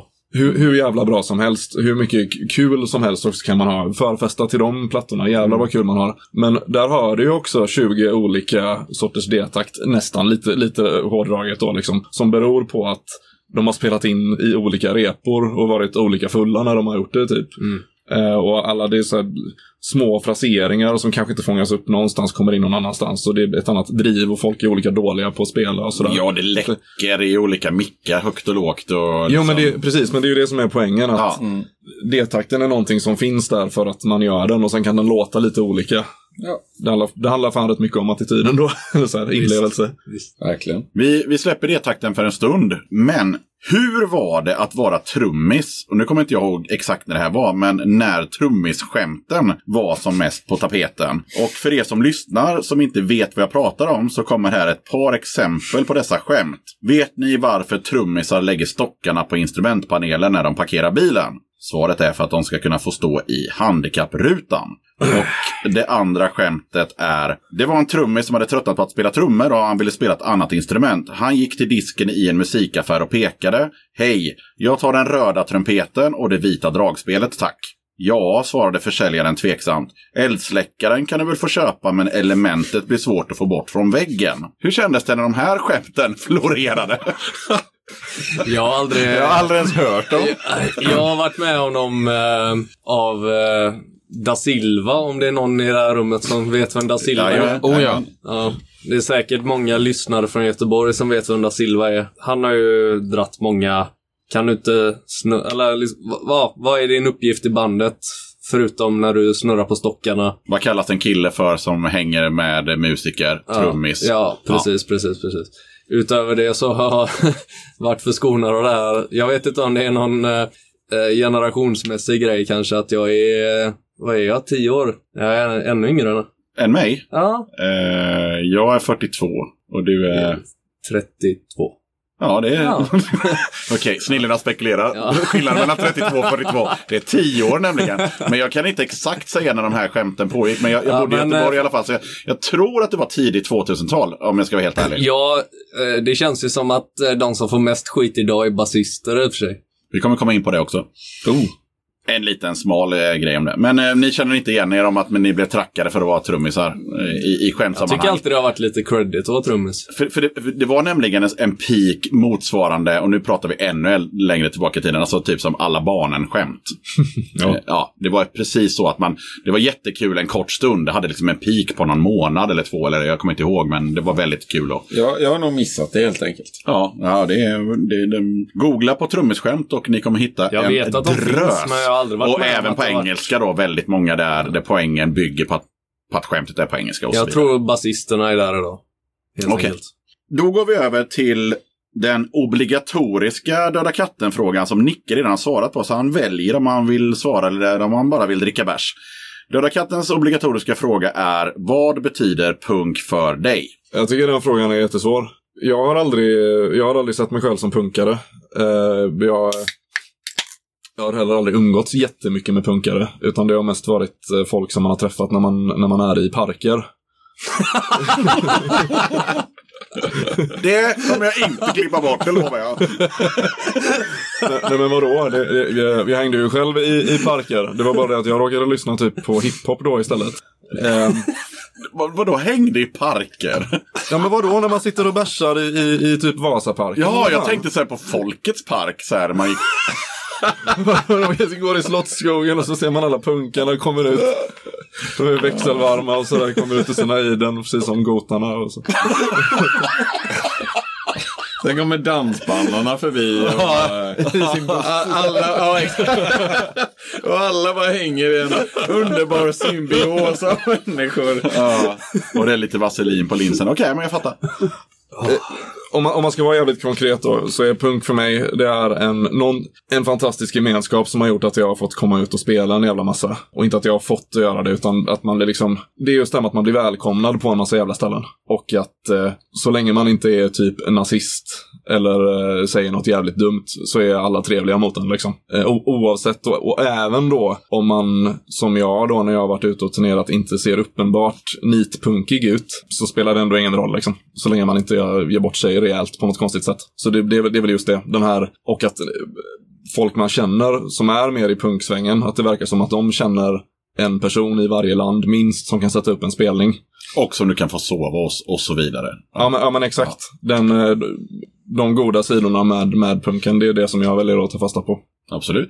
Och så en, en jävla massa fantastisk musik naturligtvis. Jo, nej men absolut. Musiken är ju viktig som fan. Men eh, häromdagen så var jag och ett par polare på ett eh, mindre nogräknat ställe i, i Majerna. Och där satt ett gäng eh, lokala alkisar. Och vi kom in och tog ett par öl. Och vi hade nitvästar och lite patches och sånt där på oss. Och de trodde först att vi var var poliser för att vi hade nitar på axlarna. Jag vet inte riktigt när poliser hade nitar på axlarna senast. Men det, det tyckte de. Sen eh, såg de att jag hade en backpatch med eh, Wolfpack och då gissade de på allting från motorcykelgäng till nazister. Så att det var, tog en ganska lång stund att förklara och eh, en av killarna som var med var tvungen att visa liksom att han hade knappar och så på sin jacka där det stod att han var syndikalist och anarkist och, och de Liksom så här, men punken finns väl inte längre. Eh, Sex Pistols la väl ner någon gång där i början på 80-talet, slutet på 70-talet. Och då blir det så här svårt att förmedla att 2017 så finns allt det där som du fortfarande, eller 2017 så finns det som du precis berättade om. Och det är liksom en, ett movement i hela Europa eller USA, whatever. Men jag känner till Europa med den här samhörigheten och fixa turnéer och, schyssta arrangörer och, och alla de, de här grejerna. Det är ju helt... Eh, det är ju ingen som, som känner till det som är 60 plus liksom. Ja, skönt ändå att de inte, nu för tiden känns det som att alla alkisar är typ Sverigedemokrater i bästa fall. Det är skönt att du hittar några som var åt vänster åtminstone. Ja, det var de. Och sen, eh, sen var det lite oklart också, för det var en kille som hade en eh, 7-8 centimeter i diameter stor knapp som det stod Beatles på. Och han frågade vilket band han trodde att vi gillade. Eh, eller nej, han, han frågade vilket band eh, vi trodde att han gillade. Och det är bara Rolling Stones. Ja, nej, vi sa faktiskt Beatles och han blev jätteglad och berättade att han hade köpt den här knappen för 500 spänn 1989. Oj. Eh, ja, så det var någon väldigt speciell Beatles-knapp. Och hans kompisar började skratta åt honom och bara säga men den är alldeles för stor, Allan, eller vad nu heter. Ja, nu kommer nu kom, nu kom vi bort från ämnet. Eh, vad säger Jimmy om, om, om eh, vad betyder punk för Jimmy 2017? Uh, ja, alltså punken betyder uh, att jag gick ifrån uh, väldigt mycket hårdrock och metal och mötte punken när jag var typ 14 första gången i form av Ebba Grön och eh, Bad Religion. Förutom musiken då och innehållet i texterna som faktiskt förändrade min syn på musik väldigt mycket att det faktiskt fanns ett vettigt innehåll i eh, musik och texter. För när man ser till hårdrock och metal så var det ganska mycket blaha och egentligen eh, skit och fiction. Men det var cool musik. Men nu var det cool musik och något innehåll i texten också. Och det gjorde ganska mycket för mig och det gjorde att jag anammade punken eh, väldigt snabbt och eh, full för det eh, på en gång helt enkelt. Och sen även började spela det själv. Men förutom musiken då så, precis som Mackan sa, alla välkomnande människor med grymma värderingar om, eh, om livet och med politik och allting som har med det att göra. Eh, gjorde såklart en väldigt stor del till att man fastnade i det och fortfarande är i det helt enkelt.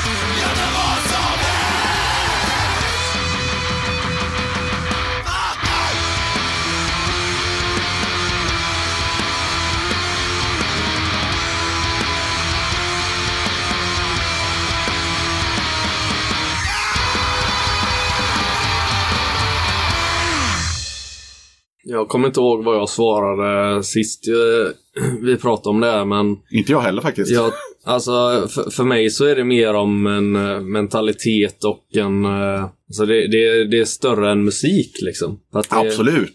Jag skulle kunna... Livsstil. Ja, men ja, samhällsåskådning på ett sätt och vis också liksom. Att, Alltså jag är inte exklusiv på punk för fem öre liksom. Jag lyssnar precis lika mycket på, på metal och, och jä, alltså jävligt brutal metal och eh, på, på gammal hiphop och allt möjligt liksom. Men jag hittar ju punk i allt jag lyssnar på. Och hi, alltså eh, hittar jag inte punk i det jag lyssnar på på något sätt så, eh, och inte bara musikaliskt menar jag, utan det är, det är liksom, det, det har format en jävligt stor del av allting man tänker på och vad man gör liksom. Att eh, ut, om jag inte hade blivit Eh, om jag inte hade upptäckt punk så eh, vet jag inte vad... Jag hade förmodligen varit en helt annan person.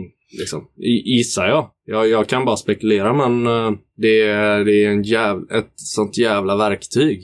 Det är ju också så här att om man är inne på punk, det, det räcker att man är inne på musiken. Man behöver inte ha eh, liksom köpt hela paketet som Mackan sa med, med, med, med, med hur man ska se ut och så vidare. Men, men är man inne på punk på ett eller annat sätt så hamnar man ofta också i kretsar där, det folk är väldigt kreativa. Det kan vara människor som, som tecknar och målar och, och eh, startar egna verksamheter och gör mycket saker. Alltså det är väldigt ofta att det är kreativa personer i, i utkanten av av själva banden och bandmedlemmarna så kan det även finnas en hel del andra människor som, som gör kreativa grejer liksom i, i, i, i det här klustret, om vi kan kalla det för det. Jag skulle Ta- precis eh, nämna just DIY-grejen. Att det var okej att göra en sjukt lökig inspelning i repan. Men som folk ändå kunde lyssna på utan att döma en för att det inte var högkvalitativt. Eh, det kändes som en eh, sjukt skön grej med punken för mig. Att det behöver inte alltid vara så jävla bra. Men att det ändå var någon som kunde se det goa i det man gjorde. Utan att det var tokseriöst gjort egentligen. Och det kan man ju säga, det är ju, har man ju hört på tusen, tusen eh, dokumentärer om, om vi håller oss till Sverige. När, när gamla bandmedlemmar från whatever, KSMB och Ebba Grön och, och sådär. Men även band som kanske inte var lika vällyssnade. Det är just det där att, att det fanns en spirit av att man fick göra hellre än bra. Och att den fortfarande finns alltså idag att man, det måste inte vara så jävla bra det första man gör liksom och, och folk kan fortfarande alltså, låna ett öra till din nya grej liksom utan att börja döma det för att det inte är tillräckligt proffsigt liksom. Men jag tänkte på vad med det här med ingen människa är illegal och eh, hur, hur, hur det, det finns techno illegal och det finns liksom eh, alltså jag vet inte hur många jävla eh, avarter, eller vad, vad säger man? Alltså, Det är exakt det man säger. ja. Av det här med, med punk, alltså, men allt det här är ju punk. Mm. Punk är legal är punk är legal, men techno är legal är ju för fan punk det med. Absolut. Även om de inte lyssnar på punk och spelar punk på de här festerna så är ju hela mentaliteten i punk, hela syftet är punk och hela tankegången är punk. Liksom. Så att det går långt mycket mer bort än bara musik. Alltså, du kan lyssna på jävligt mycket metal, du kan lyssna på jävligt mycket hiphop som är punk. Mm. Eh, sen är punk en musikstil för sig. Och den... Eh, det finns det rävar som tycker jävligt mycket om hur det ska vara och inte vara och eh, att det är låst vid den. Men för mig så har det gått mycket längre än musik. Liksom. Det är snarare ett sätt att vara och eh, tänka. Och sen är det eh, en, kanske då, eh, grundstomme. Liksom. Mm. Men det för ju- mig så kan du lika gärna lyssna på, eh, på hiphopband och känna att fan vad punkiga de är. Men Mm. det är hiphop. Ja, ja. Nej, men det var ju som vi har, vi har nämnt tidigare i, i, i podden med det här bandet Introbang. Att de står på en scen någonstans i Finland eh, i kostym. Och de är punk i hjärtat och publiken eh, är till 90 procent nitpunkare. Men publiken förstår bandet att det är, min punk sitter inte i min kostym eller i min nitväst utan det är, ju- det är ju jag och, och allt det här som vi precis pratade om. Det är ju det som är punk för mig. Ja, men jag menar ju även då att det går ifrån musikstilen. Ja, ja, absolut. Alltså den, Ja, ja. den eh, normen pusi- mu- Mm. musikstil. Det är som Dead Press som är ett hiphopband liksom. Det är, ju, det är ju också sjukt mycket punk. Fast det inte är D-takt eller distade gitarrer eller eh, nitvästar och eh, det är, det är hiphop av två svarta snubbar från New York liksom. Det är så jävla långt ifrån gammal l- 70-tals London eh, Riot Kid. Så sett. Men det, det, t- är- men det är punk. Ja, I, i, många, I många jävla mån för mig så är det fortfarande punk. Tror, liksom. tror du att de tänker att de är punk på något sätt? Eller att de tänker bara att de är rebeller? Eller vad? Jag vill nog nästan eh, se att de... Alltså, de, de, jag vet ju att de eh, kopplar sig ju mer än gärna ihop med antifascistiska rörelsen. Och då vet de ju att det är ju punk i 99% fall liksom. Så att, att, att de känner sig hemma i communityt, det vet jag att de gör även om de spelar en helt annan typ av musik. De skulle, de, de skulle kanske inte köpa att de var punk, men om man, om man däremot frågar dem, tycker ni att ni har en, eller skulle ni säga att ni har en punkmentalitet? Eller att ni, att ni har en, en, en punkig inställning till det ni gör? Då skulle de ju antagligen hålla med om det, giss, gissar jag. Ja, men de... Det det, det, är det inte det som... Idag så får man lite skil, skilja på att ha punk som en inställning, att, vara, att ha en punkig inställning till saker och ting man gör och hela subkulturen punk. Att det liksom är, att klä sig på ett visst sätt och spela krust eller käng liksom. Det känns som att hela den, eh, allt det positiva som vi har pratat om som handlar om att man ska göra saker som är levande och att man ska ha en gemenskap och att man ska kunna, även om folk eh, super och knarkar och, och eh, kan vara sjukt opålitliga ibland, att man ändå ska kunna lita på varandra i grunden liksom. Att man vet vad man, vad man kan förvänta sig och man vet ändå någonstans var man har varandra. Att det är lite det, den grejen som har vuxit och liksom kommit in i, i mer. Jag menar, att köpa en Ramones-tröja på H&M och gå hem och lyssna på Good Charlotte är ju ingenting som har med punk att göra liksom. Ja, det, är faktiskt, det Även var om- faktiskt jävligt bra sagt Nicke, för det är faktiskt jävligt lite punk. Alltså det är ju det är betydligt mer punk med, med eh, det vi precis pratade om och, och den här känslan av att, ja men vad fan, jag kan göra det här och ni kan faktiskt dra åt helvete om ni inte gillar det. För att punk från början och den delen av punk som jag identifierar mig med, förutom att man gör saker och ting själv, det är också lite så här att, men passar det inte så skit i det då? Alltså att man, man ska liksom inte fasa in sig någonstans för att, för att duga åt någon annan. För det här gör vi för att vi gillar det liksom. Så att man får med det i, i liksom hela grejen på något sätt. Då. Tidningen Rolling Stones läsare har röstat fram en lista på världens bästa trummisar. Kan ni gissa vem som vann? Eller åtminstone namedroppa några som ni tror är med? Och det är en topp 6-lista. Inom vilken genre? Nej, ingen jävla genre alls. Utan alltså, Rolling Stones läsare fick bara så här rösta på vad de tyckte var de bästa trummisarna ever. Vill, vill du vill ha topp 6? Ja, alltså det är en topp 6-lista, men ni, ni Vill, behöver vill inte... ha ni- dem i ordning? Nuvarande, Nej, nej, nej, nej. nuvarande eller genom all Ja, historia? när gjordes listan? Eh, den gjordes för några år sedan och eh, det är både levande och döda trummisar i, i den här listan. Det är Rolling Stones-listan. Ja, Ska jag vi, tänker... Vad ska vi börja med? Eh, jag, jag skulle vilja droppa ett namn som jag tror hade varit högaktuellt för några år sedan. Och det hade varit mer på grund av hans fame än kanske för hans trumspel, även om han är en sjukt duktig trummis. Men Travis Barker tror jag är med på den listan. Det tror inte anledning. jag. Oj. Niklas eh, har helt rätt. Eh, han är inte med på den här listan, så vi, eh, Nej, vi passar pucken vidare till Mackan utan smeknamn. Eh, och vad säger du? Ska, nu ska jag rapa upp sex namn alltså. Vilk, ett namn räcker alldeles Okej, utmärkt. för det första så, så tror jag ju att Bonham vann. Det jag, tror jag med. jag, tror, jag tror att Ringo finns med där, eftersom det är en läsar eh, tjohej. Jag tror också att eh, Neil Peart är med. Eller Peart kanske man säger.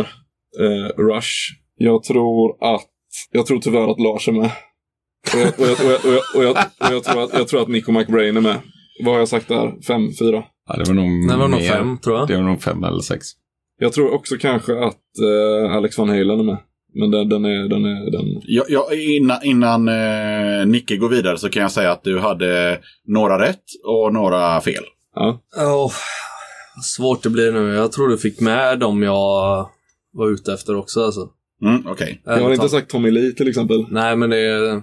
Det kan ju omöjligt vara en av världens bästa Ja, men du trummisar. säger Nej, men det är ly- Barker. ly- lyssna- Nej, jag, lyssna- jag, drog, jag drog han för att jag tänkte att han var aktuell, inte för att jag tyckte det själv. Jag det kan är också viktigt säga att så här, i min research så kan jag säga så här att det är många som, eh, just vad det gäller Tommy Lee, eh, har honom som, eh, eller hade honom som, som förebild när de började spela trummor. Och, kan tänka mig det. Och det hade folk med Larsa också. Ja, så att, men jag kan berätta att Lars är inte med och Tommy Lee är inte heller med. Jag kan också berätta att eh, ni två tror jag, det vill säga Marcus och Niklas hade helt rätt i att etta på listan är Bonham. John Bonham. ja, från Led Zeppelin. Jajamän. Sen eh, hade även Marcus rätt i att eh, Neil Peart, eller Peart eller hur det nu uttalas från Rush. Peart kanske. Ja, Jag vet han är också med på listan. Han är nämligen nummer två. Oj, oj, oj! Jajamän. Det förvånar mig inte. Han har mycket väl kunnat varit detta också. De andra fyra har ni faktiskt inte. Jo, Ringo Starr nämndes va? Ja. Jajamän, sexa på listan. Ja. Eh, Ringo Starr från Beatles. Får jag flika in en sak här? Mm. Att, eh, nu minns jag inte vad han heter, men det är, det är en snubbe som har ganska goda belägg också. På att, eh, Var med på listan. nej, på att han har gjort eh, Ringos tracks, helt enkelt.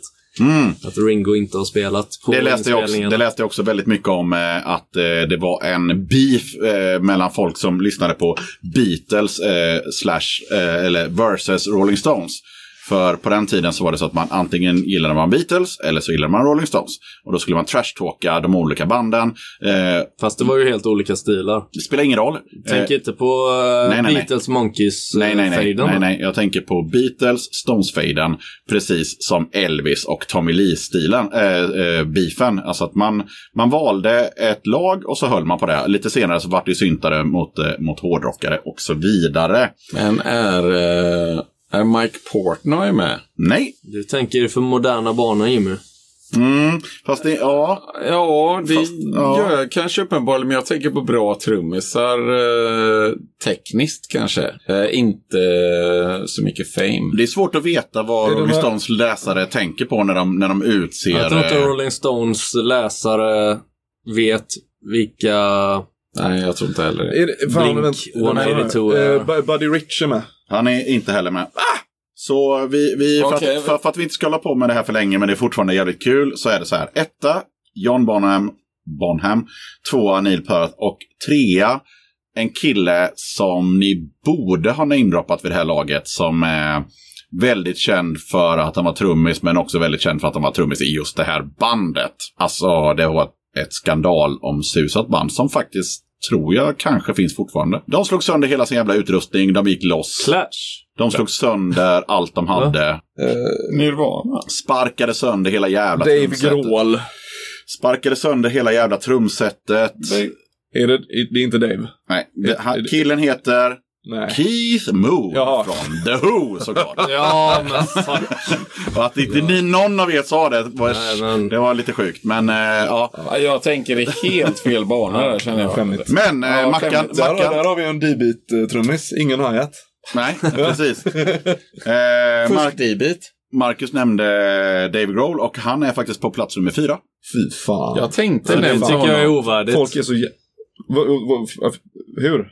För att han är inte så bra. Nej, ja, nej exakt. Han är inte Nej, jag- jag är helt han enig en, eh, Men jag tänkte ändå nämnt honom för att när jag märkte att jag hade fel på allting annat med tek- tekniskt, tekniskt duktiga trummisar och att det bara handlar om fame så tänkte jag Dave Grohl är Ja, säkert men fast med det här handlar ju inte om fame när vi snackar om Bonham.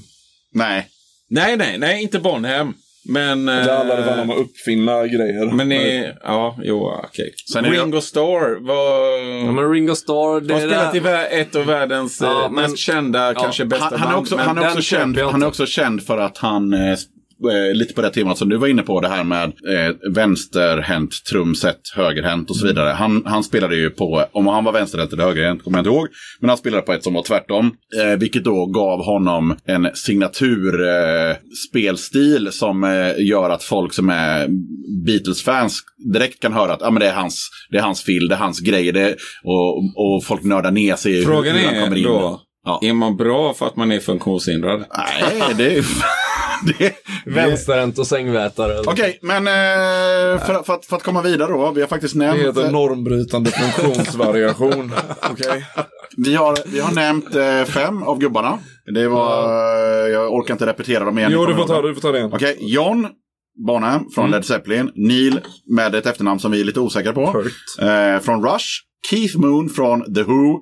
Dave Grohl från Nirvana. Och Them Crooked Vultures. Oj, tog de med det av alla... Av alla band. I, inte Foo Fighters då? Men där spelar han inte trumman. Nej. Nej, fan! Det är det folk brukar skriva på, på, på Facebook. Trummisen i Nirvana. Fan vad han är lik sångaren i eh, Foo Fighters. Ja, bra. Ja. Eh, och, Där har du för övrigt en riktig... Taylor Hawkins, trummisen i Foo Fighters. Världens... Fy fan. Ja, det är inte roligt. Har ni sett den, dock, den, den Ah, papp, Music City? vi, och så nummer sex då så hade vi då Ringo Starr som vissa påstår inte gjorde sina trummor och så vidare. Nej, sen eh, det... Nej, nej jag... Men vi, vi, vi släpper där, det. där säger jag, jag håller med till, till mång, mångt och mycket, men inte dit. Men vi har ett namn kvar. Vem fan är det som ligger på plats nummer fem? Sexa var... eh, Ringo Starr. Ringo Starr. Och så femma blir ju då... Ka- Ja, vänta. Ingen aning vad han heter. Kan det vara trummisen i Toto?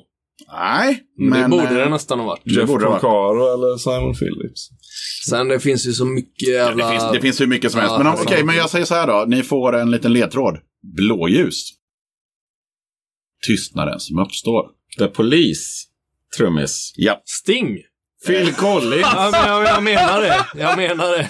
Phil Collins. Eh, Phil Collins spelade trummor i Genesis. Så att, eh, och det här kommer jag inte klippa bort. Och du gissar på Sting som sjöng i The Police. Okej, Mackan, vad har du för Jag går ut förslag? och pissar. Stewart Copeland säger jag. Jajamän!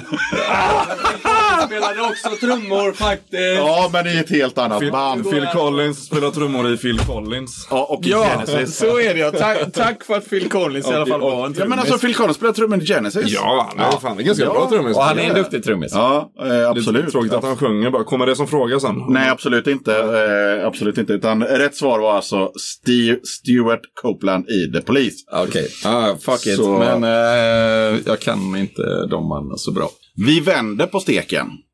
Vem är den ostigaste kända trummisen? Det vet du redan. Ja, det gör. Nej, alltså jag, jag har ju mina gissningar, men eh, ni är tre individer. Ni får tycka vad fan ni vill. Jag tror vi håller med varandra allihopa faktiskt. Eh, ja, i, eh, Segmentet I da- känd och ostig. ja, i eh, dagsläget så tror jag att vi, eh, i alla fall två av oss, eh, jag vet inte om den tredje, men eh, nej, men jag skulle säga Lars Ulrich i eh, minst svängigt trumspel och ostighet i intervjuer Mm. och personlighet. Ja. Det är ingen som har någon annan åsikt där, för att jag tänkte att det kanske skulle namedroppas lite andra personer, men... Jag såg Lars i så här What's in my bag ganska nyligen. Någon så här amerikansk eh, grej de kör på någon kanal.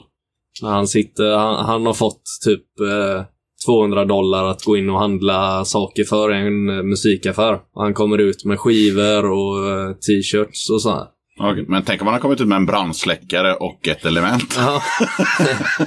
Nej men eh, då, då kommer han ut med så här jävligt bra så här böcker och bra skivor och så här. Och, och sitter och eh, känns ganska tillfreds och ganska så här, ja men en snubbe man hade velat sitta och köta med och verkar god liksom. Så jag tror, jag tror han har kanske intervjumässigt och så här blivit missriktad och hamnat i fel sits och sen valde han rätt mycket av en tjackpundare under många år också och kanske inte kunde hantera sig själv. Men, men Eh, om vi att skiter i han, han men att han som... kanske är mer tillfreds i, i, i sin egen eh, situation idag. Det har jag också fått känslan av när man har sett eh, intervjusnutar. Men om vi skiter i han som person, vad är det som är ostigt med hans eh, trumspelande liksom? Han låter som ett som en flodhäst när han spelar liksom. Ja, men det är så osvängigt och det är så brötigt och det är så... Brötigt på fel sätt liksom. Ja, alltså han har ju ingen... Är det statiskt? Är det, där... Det är statiskt något så ja. in i helvete och det är, det är statiskt på fel sätt också. För att alltså om, det, om du är statisk och tight som... Eh, I black ja, metal typ. Eh... Ja, eller Mackan, hjälp mig nu. Vad heter han i Satyricon som spelar trummor? Frost. Frost, ja. Jag har en rolig anekdot om Frost. Ja, men jag vet. Eh, där har vi ju statiskt trumspel på, på, av den goda skolan liksom. Men Lasha är ju, det, det är ju bara, att man, man, man vill ju bara stänga av. Det är ju bara tråkigt och man, nej. Sen eh, som sagt så tror jag han får lite för mycket misscred för sin persona. Han har väl gått igenom mycket dåliga perioder av droger och sprit gissar jag. Men han är, jag tror inte han är, jag hade gärna varit polare med Lasha om jag får säga Men så. fan, jag har pratat alldeles för länge om honom nu.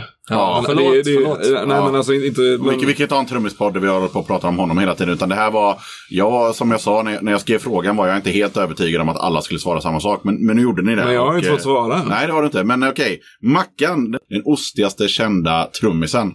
Peter Chris. Okej. Asså? Ja, alltså, men det, man har aldrig tänkt på trumspelet i, i Kiss. Jag har i alla fall aldrig gjort det. Utan allting har handlat om den där jävla scenshowen och att låtarna är bra liksom. Att det är en jävla power där. Men om man sätter sig ner och lyssnar på hans trumspel. Framförallt på Detroit Rock City och de lite tidigare grejerna. Alltså, det är, det är så fruktansvärt dåligt trumspel. Jag förstår inte hur man kan vara en trummis som lever på att spela trummor och inte förstå att man måste ma- markera en symbolfimp med kaggen samtidigt. Jag, jag lovar det, det kommer... Bara, liksom, det som... Men samtidigt så, samtidigt så gjorde han ju bäst liksom. Så att han liksom... Ja, okej, okej. Då, då, vill, då vill vill jag att du går hem och så youtubar du Peter Criss drum solo. Ja, fast i, i, i, i Beth så sjunger han ju bara. Du vet, han sitter på en barstol och så sätter de en Ja, light på. ja, och så ja, ja. sjunger han Beth, I hear you calling. Jo, men nu pratade vi om Och då, truminsatserna. men då växer han ju som en... Spelar han pianot också? Nej, det gör han inte. Okej, men då har vi lite olika bud där. Det var ju skönt. Anekdoten om Frost då. Ja. Eh, Detta var på, eh, jag vet inte exakt när detta hände, men det var i alla fall enligt personen som har berättat det här så hände det under, under de åren när Göteborg var hårdare än Oslo. Så det måste ju ha varit när eh, Jon och, och Vlad höll på med sina permar och, och, och vapengömmor och skit. Eh, då, spelade Satyricon i Göteborg. Och så hade eh, personen som, det här, eh, som, som berättade det här för mig, han hade fått syn på Frost på Järntorget. När han hade gått omkring där med sina jävla linser och allt liksom instoppat. Så här full, full sminkning i stort sett liksom. Så då hade de sprungit efter honom, jagat efter honom och börjat skrika Är det du som är fisken i Satyricon eller? Hö, är det du som är fisken? Ska du hoppa i fontänen? Hö, fisken i Satyricon. Och Frost har blivit så jävla stressad av det här så att han flyr in på cigarren. Som är en liten affär som säljer cigarrer på Järntorget. Och de in efter så ska han ha sprungit fram till disken och frågat om de har någon backdoor som han kan, han kan fly ut igenom. Och de bara nej.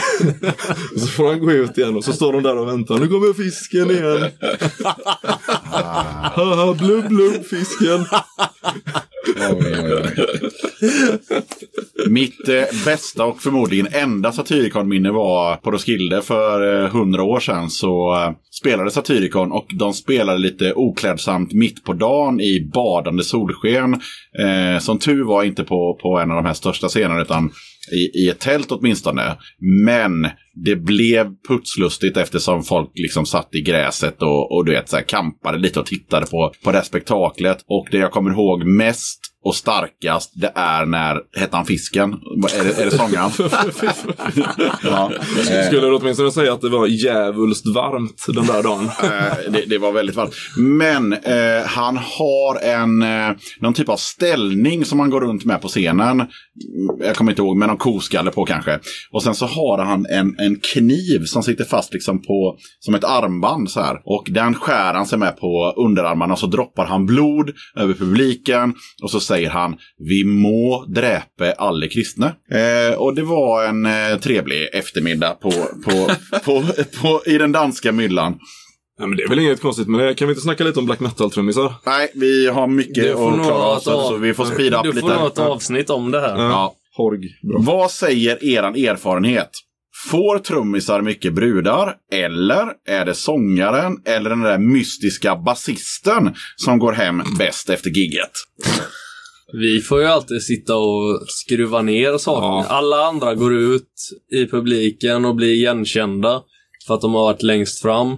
Vi sitter längst bra, bak, döljda av symboler och sen sitter vi och skruvar ner saker och sen är det, känns det som att vi är de enda ansvarstagande människorna i band som faktiskt bryr sig om att de andra saker också kommer In i alltid, hem. Ja, så att, eh, nej. för att vi alltid har med oss mest grejer själva. Eh, många musiker tar ju eh, några glas innan gigget.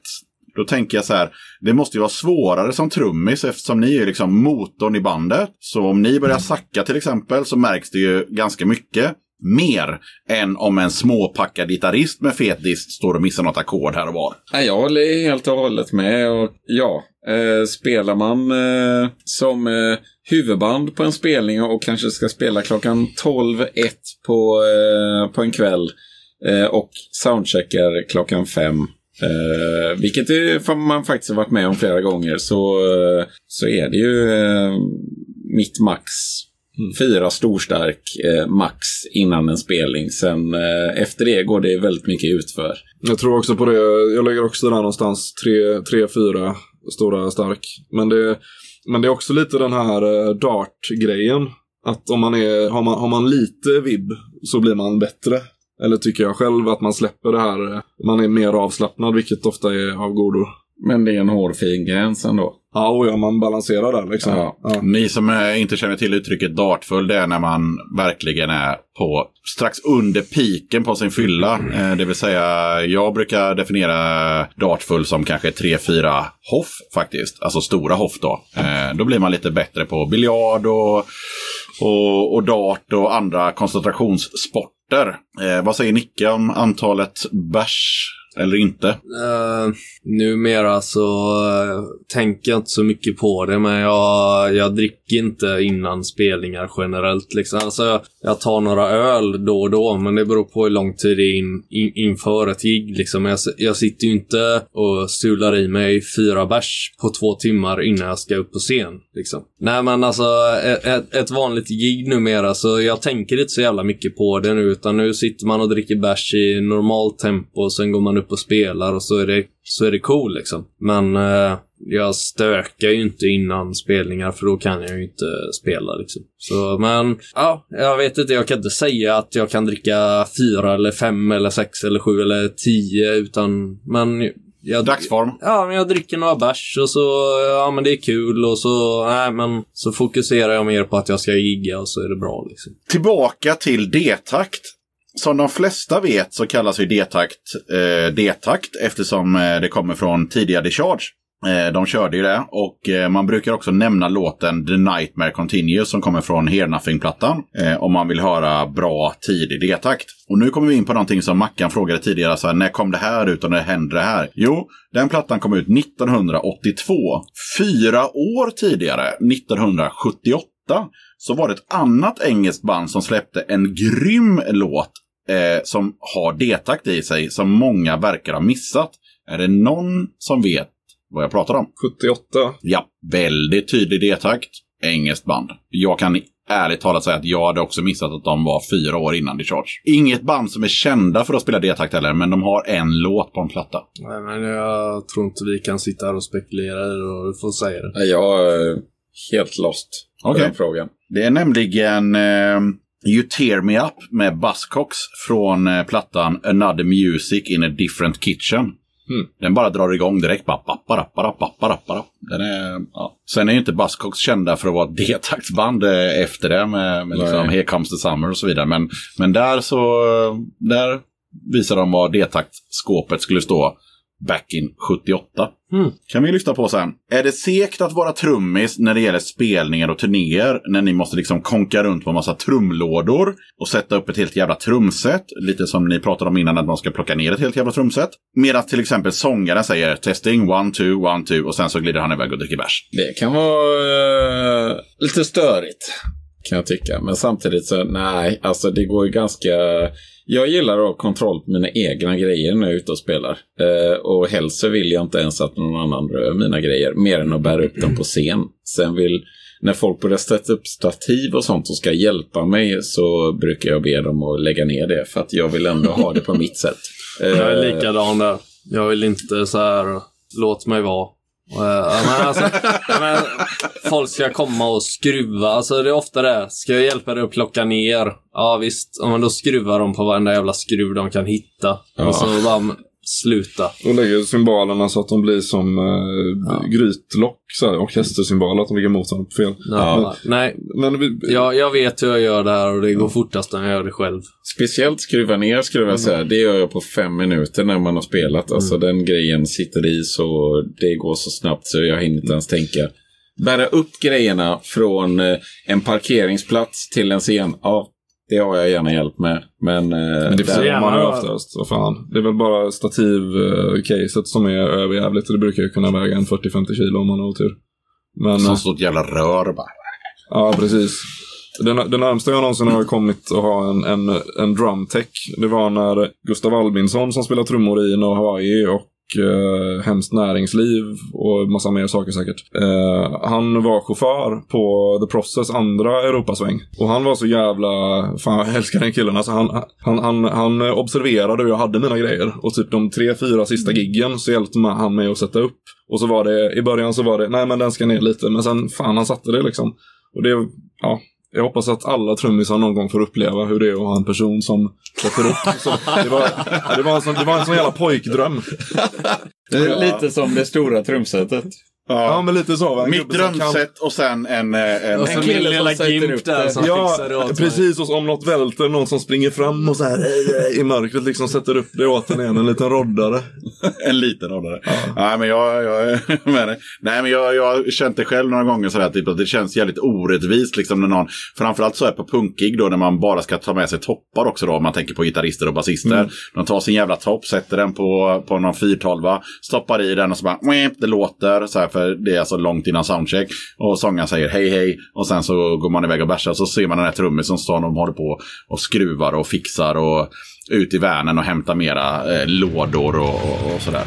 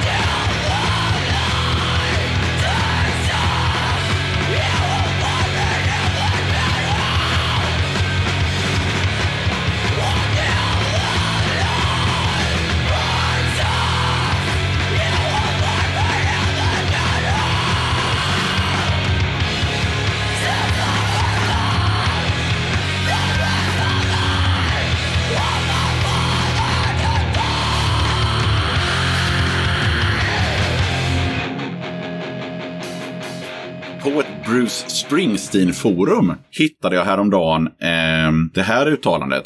Jag tycker att det är helt fantastiskt att Springsteen sätter en 18-åring bakom trummorna på en världsturné med 30 000 minst åskådare varje kväll.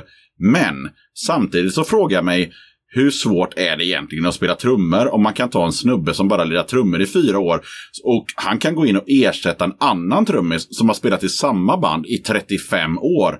Eller är Springsteens musik så jävla banal? Man tänker så här, fan det är nog inte så jävla svårt att spela trummor om man kan ta någon random snubbe och bara ersätta Ja, honom. fan. Alltså, det finns ju... eh, Det Den här finns, frågan är också ställd från en kille som inte spelar trummor. Så han Nej, bara tänker men- så här rent allmänt, fan shit, är det inte svårare att spela trummor? Känns uppenbart. Ja, men det finns ju klart som fan. Det finns eh, naturals i allt, liksom. Men Eh. alltså Ma- Max, Max Weinberg som, jag kände inte till det här att det var någon 18-årig ersättare på gång till honom. Det står också så här, det här är ingen kritik mot Jay eller Max. Men som icke-musiker så är jag bara nyfiken på det musiktekniska. Jag är inte superinlyssnad på, på Bruce, men eh, det känns väl inte som att det är tok mycket skumma taktbyten och tekniskt Nej, avancerat. alltså- Det handlar mer om pondus. Eh, Weinberg den- spelar ju svinfett, men alltså det är ju väl Ja, inte ja. så jävla svårt att lära Hopp sig som in i det. helvete också. Ja. Så väldigt långa versioner live också Ja. med mycket Ja. hålla Ja, men- reda på när det glider in saxsolon och allt Ja, känns, det känns som det är väldigt mycket improvisation i eh, ett Bruce-set. Och eh, inte bara helt inrepat skulle jag vilja säga. Så att eh, ja, är en... Man måste vara på alerten lite kanske. är en extremt duktig 18-åring eh, med i matchen och eh, inrepad för det de ska göra och eh, ha lite feeling för att kunna improvisera när saker bara händer. Så ja, absolut. Men det har ju Men- hänt så jävla mycket alltså med med, med utvecklingen generellt. Tycker jag, alltså när man ser på typ, alltså inte, inte bara trumspel utan musicerande i sig. Det är fan läskigt. Uh, inte bara, får jag bara dra Ja, en side, Ja. side story generellt här då. Jag har ett, eh, ett Instagramkonto jag följer med två Två syskon som skejtar som är typ han, sex och fem år gamla eller någonting. En tjej och en kille. Och de gör så jävla mycket sjukare saker än vad jag någonsin kunde göra när jag typ slutade skata när jag var 25. Wow. Ja. Och de, det, alltså det, de, när jag var sex och sju så lekte jag med Turtles och kunde knappt gå höll jag på att säga. Men alltså vad fan liksom. Ja, nej, men det är samma som om man, om man kollar just på, på om vi håller oss till ämnet med, med, med, med, med trummisar, när man, när man, om man youtubar så här, eh, young drummer, så hi- hittar man så här någon fyraårig koreansk tjej som bara sitter och bara vevar. Man bara säger men herregud, alltså hur fan kan hon, ja, så att visst, det. Men Mackan, du är ju polack. Jag Ja. har sett den polska skitungen. Va? Nej. Han är ju, jo men ja, gå hem och kolla Ja, på han den. var det han som är typ åtta bast eller någonting. Ja, som... fast han var ju typ fyra när de började följa honom. Ja, det är hans farsa som filmar honom hela tiden. Ja. Ja. Ja, han är ju helt störd nu liksom. ja, det kan jag tänka mig. Och det var ju samma, det, här klippet på Tony Royster Jr. Ja, som men han, ja, men han, är, han är ju precis som Tony Royce Jr. Fast, eh, han var, fast han var... Tony Royce Jr. var kanske Han var Sju. 12 12 när på de började. klippet när Men den här pol- första gången. Den här polska kiddot var ju typ fyra när de började filma honom liksom. Men då var ändå så här, Tony Royce, det var ett jävla jazzmecka när han var 12 liksom. Eh, Fast då var det, men då, då körde han. Eller det, så det, var, det var ju rätt mycket upplevde billiga... Alltså, men po poängen är att man... På vilket sätt ska man bryta ner det liksom? Mm. Är det att han är virtuos, att han, att han är ung? För det han gjorde var inte sådär grejer som jag aldrig skulle sätta om jag satte mig ner och övade en vecka. Utan det var ju mest att han var så ung och att han redan hade kommit så långt. ja. Det som är frågan med den här 18-åriga snubben då som ska spela med Bruce, som jag aldrig har hört spela, så jag, jag, jag vet Men han, han var ute på en världsturné med Bruce eh, och, och ersatte den här eh, snubben som har spelat, eh, om, om det var Jay eller en, men det spelar inte så stor roll. Men Ja, det är, okej. nyfikenheten ligger ju i att en person som Ja. inte spelar något instrument tänker så här, shit, är det bara att ta ett par trumpinnar och så kan man spela med Bruce? Liksom. Eh, nej. Svaret är nej. En dålig side story här nu då. Ja. Korn, Mhm. som är ett cornerband. de har en Välkommen till 12-årig basist nu. 12-årig. Ja. Just det, och det är någons jävla son, är det inte det? Det är Metallica-basisten. Ja, det är Rob Trujillo som är så. Herregud. Och jag vill också säga att det finns bara en polsk trummis för mig och det är Doc. Inferno då. Doc var fan först. Ja, nej, Inferno är bättre. Vi går vidare, eh, och, eh, men vi kan väl säga så här, det är inte Spela bara att spela trummor. Och jag kan eh, svara för mig själv, jag har provat typ eh, 8-10 gånger i, i, i olika replokaler när någon ska visa mig hur man gör. Kan man inte, alltså ligger det inte för dig så kan du inte spela trummor. Det, man ska göra någonting med den här delen av kroppen samtidigt med den här delen av kroppen. Eh, och jag blir ju extra imponerad då när människor som eh, Johan i Blisterhead eller någon mer känd person som han eh, som spelar trummor i Eagles eller, eh, eller han i, i eh, Lasse Stefans dessutom sjunger. Sjunger, håller på med grejer här nere och grejer här uppe. Det är som Riverdance Go Nuts, jag vet inte. Men i alla fall, eh, vilken takt är tråkigast att spela? Eh, Jazzvals. Tang, Bum, tang, pa, tang, pa, pa, bum, pa, pa, bum, pa, pa, bum, pa, pa, pa, pa. Är det den du menar? Ja, jazzvals är tang, tang, ta, tang, tang, tang, ta, tang, tang, tang, ta, Vad tang. var det jag sjöng på då? Vals bara, tror jag. En, två, tre, en, två. Jag har inte spelat så sjukt många olika takter som inte har haft med den musik man faktiskt gillar att göra. Men eh, jag skulle nog vilja säga att är det någon gång jag varit uttråkad så är det när jag måste spela snabba fyrtakter, alltså åttondelar på hi-haten. Sjukt jävla snabbt, rakt igenom hela låtar som är fyra minuter långa tills högerarmen krampar sig så jag har lust att kliva av scen. Här borde vi också haft med Tobbe K som brukar nämnas i den här podden ibland. Som faktiskt är en liten av en expert till att göra det. Exakt. Han säger så här, Hans det ska jävla vara... högerarm måste ju varit eh, byggd av slime eller någonting för att han ska orka med det. han brukar för nämligen jag- säga så här, kära lyssnare. Det ska vara raka fyror, annars vill jag inte vara med. Det är, det är så han jobbar. Det, jag försöker ju göra det han gör nu i Gamla pengar. För där, där är det ju raka snabba fyror. Men låtarna är kanske två och en halv istället för fyra minuter. Och jag kan säga att krampen kommer inte efter tre och en halv minut. Den kommer efter 30 sekunder liksom. det är ett helvete är det. Jag, jag fuskar med synkoper och har med det. Ja. Raka fyror är tydligen en... en, en, en Kan det en, vara så att du till och med går över till en D-takt? Som, men det var ju det Marky Ramone gjorde när, var ni och såg Marky Ramones Blitzkrieg på, på Liseberg i somras? Nej, tyvärr. Det, var, missade det, det verkade ju så jävla lovande där med att han hade eh, Ken Stringfellow från The Posies på sång och, och Captain Poon från Lucifer på, eh, på gitarren. Och så någon basist som bara var jävligt jobbig. Men det lät helt jävla stört liksom. Låtarna gick ju i tempo och de gjorde det bra liksom. Och det var någonting som var så jävla off. Som att bandet, som att de inte, fan har de inte repat tillsammans eller vad är det som har hänt liksom. Och efter ett tag så insåg jag det. Han, han lägger inte fyran på hi-haten. Eller åttondelarna. Han spelar, han spelar trioler på hi-haten. Liksom, så att han liksom började så här. Och öppnade hi-haten liksom. Kan ni tänka er hur konstigt det lät? Ja. Ramones fast med trioler. Det är fel, eh, fel markeringar på allt. Ja, visst. Jättekonstigt. Vi switchar till, eh, givetvis då, vilken är eh, den roligaste takten att spela? Det tack. Okej, två gubbar svarar D-takt och det är Nick och Mackan. Och vad säger Jimmy? Jag skulle säga en D-takt eh, också faktiskt. Men det har jävligt mycket att göra i vilket BPM den går i. Och eh, om den går i eh, runt eh, 190 och så är den sådär sjukt bekväm och skön så man kan vara helt avslappnad i den. Då tycker jag att det är den roligaste också. Jag, jag, jag får också slå ett slag för eh, dödstvåan. Mm. Den, den, snabb, den snabba tvåtakten. Fast då blir man ju också lika trött i högerarmen. Ja, fast då, då kan man fuska på Det kommer fusk, eh. Okej. Nej, man, Får jag lägga in ett veto då så är det ju om vi ändå ska snacka om trioler och fusk här nu då. eh, men alltså att få mosa på med, med dubbelkaggar i triol. Ja. Jag vet inte om det här tas upp på micken här nu, det jag gör med fötterna. Men, eh, Förhoppningsvis inte, men... Eh, nej, men det, det går ju att spela väldigt fort, ganska långsamt, men att få det att låta snabbt.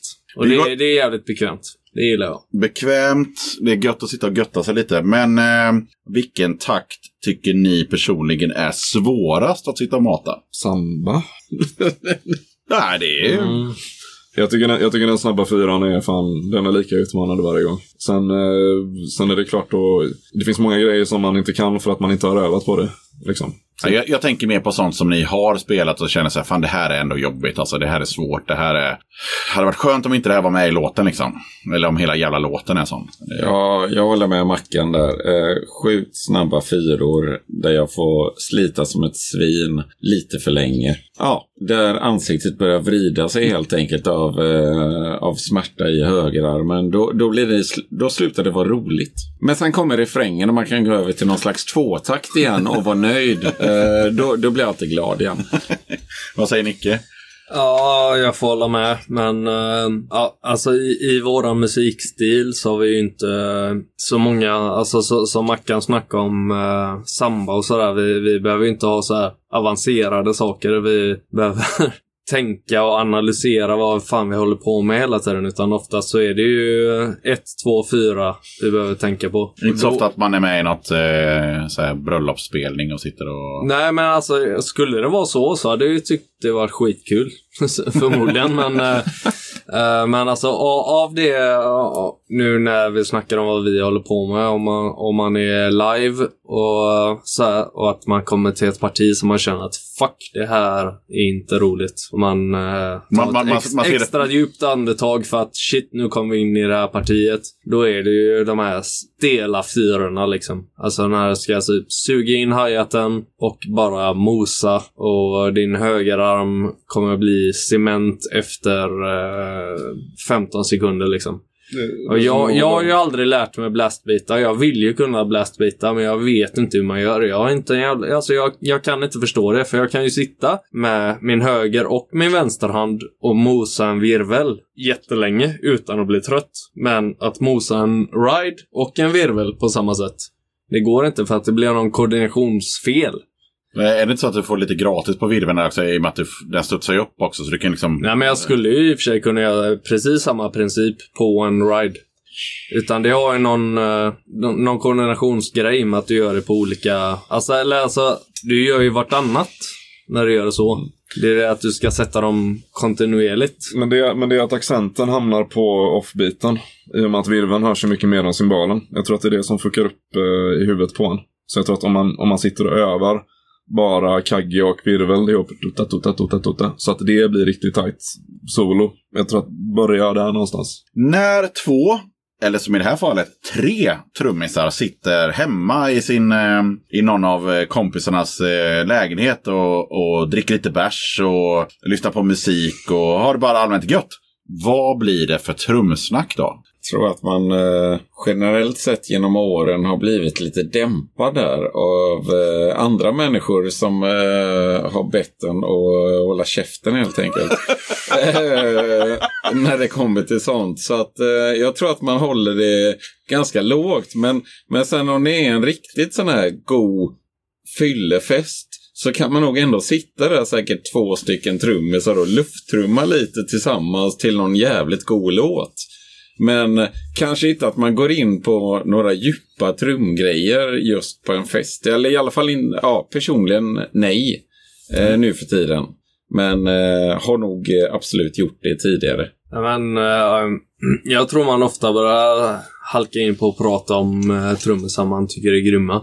Ben Coller, Nico McBrain. Ah, Att jag, ställde, att jag ställde frågan var för att jag, jag själv suttit på fester där jag har hört trummisar som sitter verkligen och eh, ja, nördar ner sig i, eh, i, i trumspelet och kanske ska spola tillbaka och lyssna och det här fillet och hur fan gör han det här? Och, Du kanske har sett mig och ÖB bland, mer eller annat, mindre bland annat, men jag har sett, krypa ihop till en liten ormgrop eh, och nästan bli en boll. Ja, det har jag gjort. Men jag har också sett eh, folk för 10-15 år sedan som, som i stort sett gjorde samma sak. Att de liksom nördade ner sig liksom tillsammans. Och de blev ett litet trummisgäng och vi andra gick ut i köket och rökte typ. För att det blev för mycket trummis, trummissnack helt enkelt.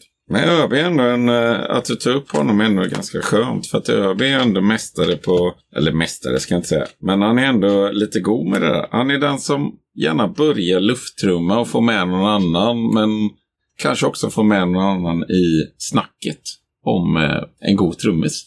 Mm. Eh, Som, som en god grej. Alltså positivt menat. Alltså jag har inget problem med det. Jag, jag gillar ju när folk nördar ner sig. Jag skulle inte ha ett, ett podcastavsnitt som handlar om trummisar annars. För det kan ju vara vad fan som helst. Jag gillar ju när folk är liksom engagerade kring en, en, en grej och, och, och, och snackar om det. Jag har inga problem med det allt. Jag tror bara jag själv har blivit lite dämpad av att folk har sagt till mig eh, förra om åren och bara så här, ja men fan. Lägg ner eh, lägg, trummissnacket. lägg ner din jävla, ditt jävla dampande på knäna nu liksom. Det har jag ju fått höra från morsan och farsan. Eller inte från farsan då, men från morsan. Morsan har ju blivit helt så här stale med det. Att hon inte hör det längre.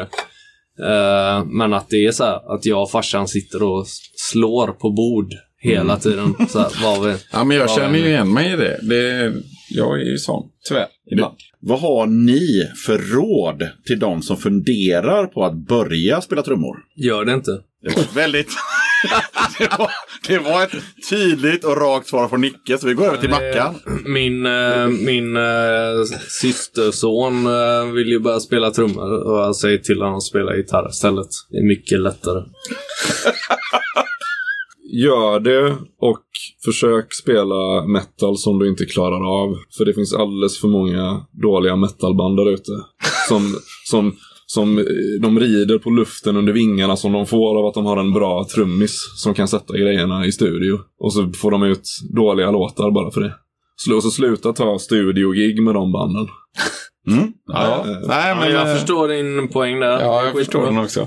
Fler dåliga metalband borde lägga ner för att trummisen inte klarar av att sätta grejerna i studio. Ja, jag, jag håller helt med dig. Det lät jävligt kul, men eh, jag håller med dig. Men om, om vi säger så här då, om, om man är sugen på att börja spela trummor, alltså vad, alltså vad, är, vad är pros och cons liksom? Vad är... Vad Vi är... kan, vi kan ju börja med konst då. Skulle väl, om man vill ha ett eh, riktigt gött trumset, svindyrt Mm. Och saker går sönder. Ja, Nu pratar jag om väldigt mycket nu, oftare. Han började med konst. Ja, jag börjar med konst nu. Eh, Det är de dåliga, Nicke. Nej, men alltså svindyrt och eh, mycket skit att bära och ta med sig överallt. Eh, det är väl konst. Pros, världens absolut roligaste instrument för det har så jävla mycket att testa och göra och det är fan finns allt att testa med trummor och är du materialist så ska du absolut bli en trummis. en ganska viktig grej till eh, när det kommer till att börja spela trummor. Om du har lite känsla för det och vill börja spela i band så skulle jag vilja säga att trummor är ett av de instrumenten du kommer snabbast igång med och faktiskt kunna börja spela i ett band. Så vill du börja spela punk till exempel, lär dig en punktakt eller en rak fyra så kan du börja spela trummor i ett band. Men en gitarrist kommer behöva lära sig lite mer och vara lite tajtare innan de ens kan gå in i ett band. Och har förmodligen en längre period av inlärning än vad en trummis har. Just när det kommer till i början Att dra av att börja ja. spela ett Ja, band. Ja, det har du nog rätt i. Det skulle jag vilja säga som en viktig grej. Att eh, trummisar kommer in i det fortare. Åsikter om trummismyter slash påståenden. Åsikt nummer ett. Kvinnor kan inte spela trummor. Åsikt nummer två. Dubbla baskaggar är bara till för hjärndöda hårdrockare. Påstående nummer tre. Digitaltrummor är fula och låter illa. Jag, jag, jag Ska vi håller... börja med den enklaste då? Eh, en kvinna kan absolut spela trummor. Eh, inga konstigheter där. Är man duktig så är man duktig. Nummer tre. Eh, digitaltrummor är förbannat tråkiga att spela på. Kan låta helt okej om du har en schysst mjukvara till dem. Och vad var det andra? Dubbla baskaggar är bara till för hjärndöda hårdrockare. Dubbla baskaggar är asmäktigt för de som kan spela det. Vrölmäktigt. Jag önskar att jag hade dubbla själv. En till sak som handlar om trummisar och basister. Andra gången vi kommer in på basister. Det är att trummisar är inte musiker och han som lirar bas, det är han som blev över. Nej, stämmer inte. Tänk tillbaka lite nu när man bildar band och så. Det är Ja, därifrån den här jag- myten kommer. Jag tänker faktiskt tillbaka till, och det, det roliga är att den första jag tänker på, det är, det är Krossa i trubbel. som faktiskt började spela gitarr och blev basist i Tombaleo. Men visade sig vara en helvetes bra basist. Mm. Och blev den första som jag faktiskt var riktigt så här jävla gött samspelt med och som jag kände att fan, vi har kemi. Det var första gången jag kände att jag hade kemi med en basist. Jag hade spelat i, i och för sig bara kanske ett eller två band innan, men det var den första killen jag kände bara den här, den här snubben vet vad jag gör och jag känner vad han gör. Och sen så eh, tyckte vi att det var jävligt gött då. I alla fall upplevde jag det så. Nu har inte jag pratat med Kross om det. Han kanske inte alls tyckte, han kanske inte alls tyckte det. Men eh, det var så jag upplevde det. Att han, han fattade vad jag gjorde och jag fattade vad han gjorde. Ja, Alltså, det, det, är den här, det är det här man tjatar om, det som du är inne på, det här med rytmsektionen i ett band. Att du har basen och trummorna som måste funka bra ihop, annars låter det alltid andra skit. Och i, och i min värld, när man har, utan att dra på mig allt för stora galoscher då, när man, när man har spelat i typ tio år och varit ute, man har spelat med olika människor, människor och så vidare, så är det ändå så att om jag trivs med basisten så eh, kommer de andra bandmedlemmarna att passa in sig i det liksom. Och då kommer hela bandet att låta bra en duktig gitarrist börjar lyssna på vad som händer. mm.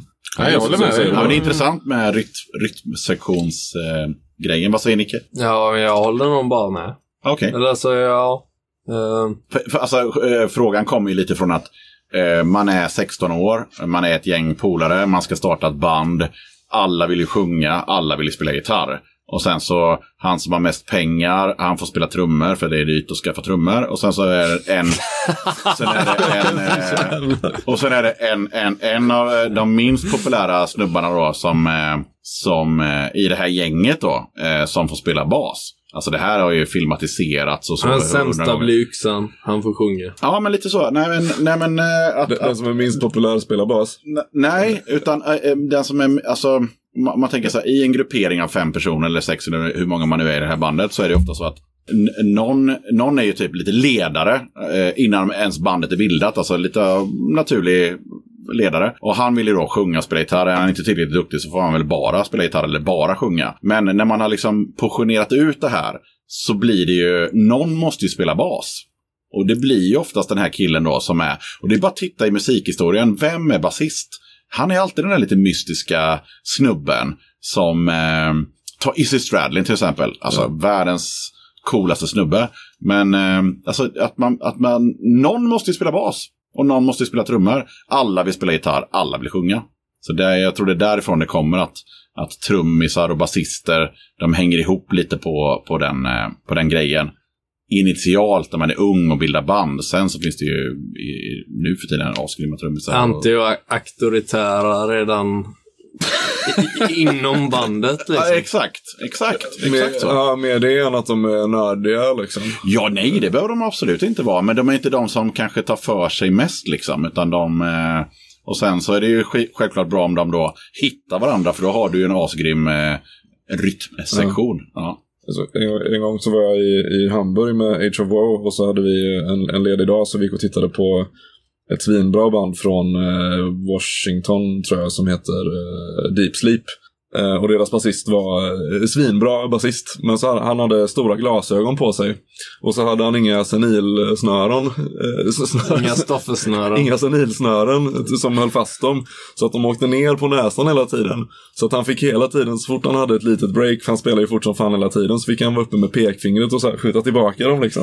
Så han sp- Spela, spela, spela, fixa glasögonen, spela, spela, spela, fixa glasögonen. Eh, hade jag kunnat spela eh, något instrument så hade jag jättegärna spelat bas. Men man har en eh, idé om att basisten är han som inte fick spela gitarr Ja. i bandet. Det är ju det lite som... som, som Men det, men det känns mer... Ja, nu är Nu är vi inne på basister i ett trumavsnitt Ja. i och för sig, men ja. Nu är det ju det här en eh, punkpodcast, men samtidigt så finns det ganska så här, eller det, det finns ju flera så här basister som man har sett upp till som varit eh, råcoola och grymma på sitt instrument. Som inte har spelat punk. Mm, ja, men som ja, har varit till och med mer framstående i sitt band än vad någon annan har varit. Till exempel. Nu kommer jag också på, för att faktiskt knyta ihop säcken lite här, det här som jag hörde på radion om att eh, eh, Lasse, som han tydligen kallas för, är världens eh, sämsta kända trummis. Eh, och, eh, Ulrich då. Och i, ja, i, i samma, i samma eh, snack som var där på radion då, då var det också eh, snack om basisten i Red Hot Chili Peppers. Flea. Flea, ja. Ja. Det var så här, han är inte så jävla grym. Eh, han är mest bara känd för att han typ är naken. Och det är lika uppenbart att säga att han är eh, duktig på att spela bas. Som att tala om att Lars Ulrich är sopig på att spela trummor. Det var det som var själva Ja. essensen. Att det är de här två ja, kända personernas pro och cons egentligen. Ja, jag, jag skriver under på den. Ja. Jag har ingen åsikt. Jag, är, jag vet inte hur... Alltså blir man bra på att spela trummor, eller vad säger jag, bas för att man är, är, är fli? Jag vet inte. Jag, jag, Jag eh, kan nog... Han kan bara släppa jävligt hårt och jävligt eh, spexig och ball liksom. Vad är det jävla Jag säger som Ralf Gyllenhammar och de har spelat samma låt i 20 år. ja, Stäng av skiten. stäng av skiten. Händer det att ni blir lite yrkesskadade när ni går på gigs och snör in lite på vad trummisen i bandet håller på med? Helt klart. Oh ja. Där, däremot så, det, för mig har det inte gått så långt så att jag inte kan tänka på något annat.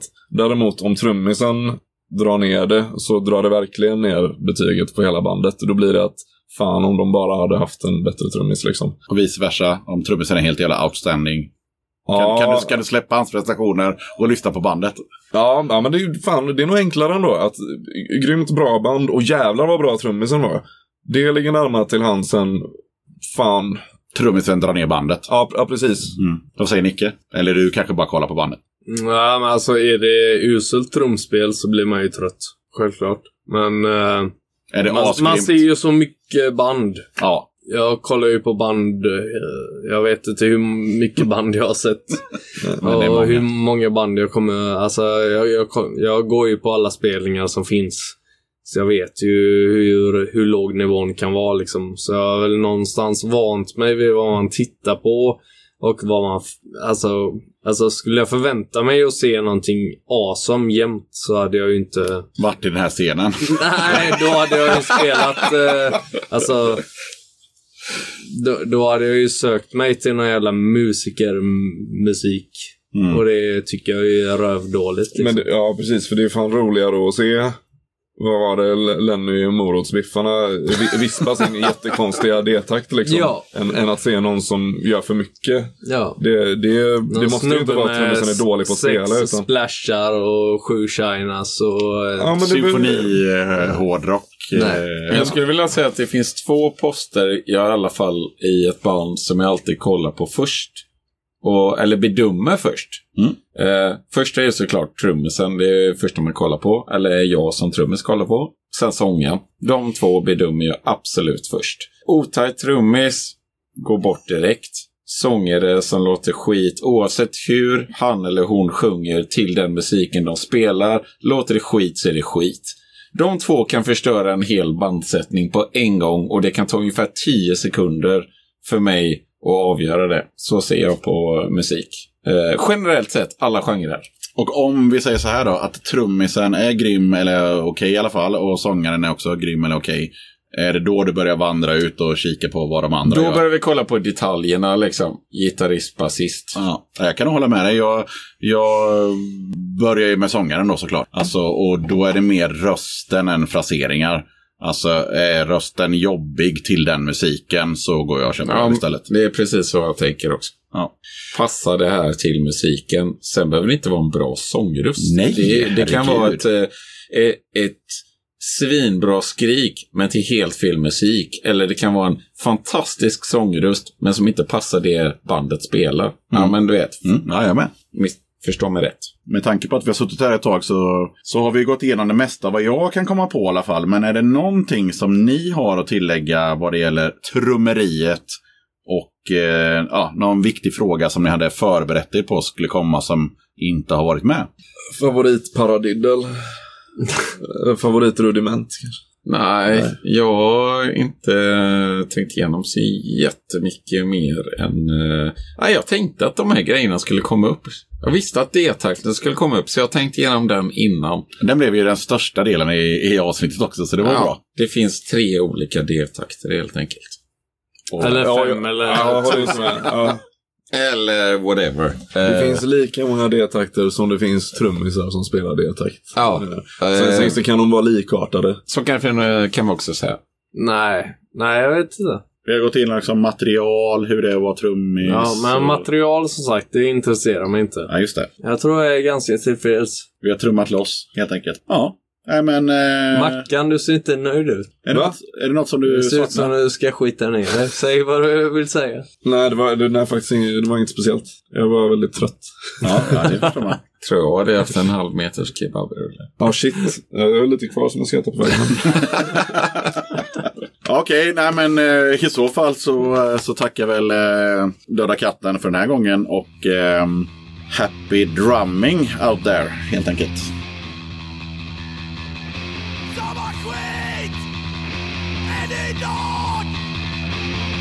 Samma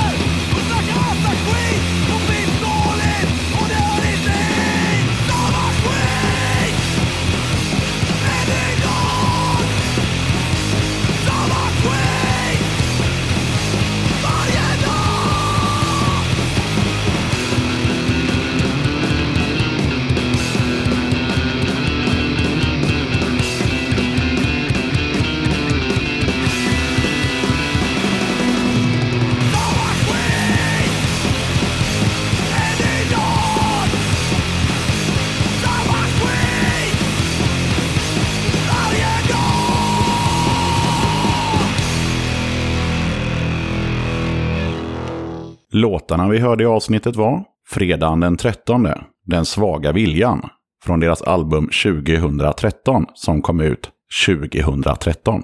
Trummis Niklas. Otukt, vad som helst. Från deras självbetitlade online-EP som kom ut i februari 2016 finns på Spotify.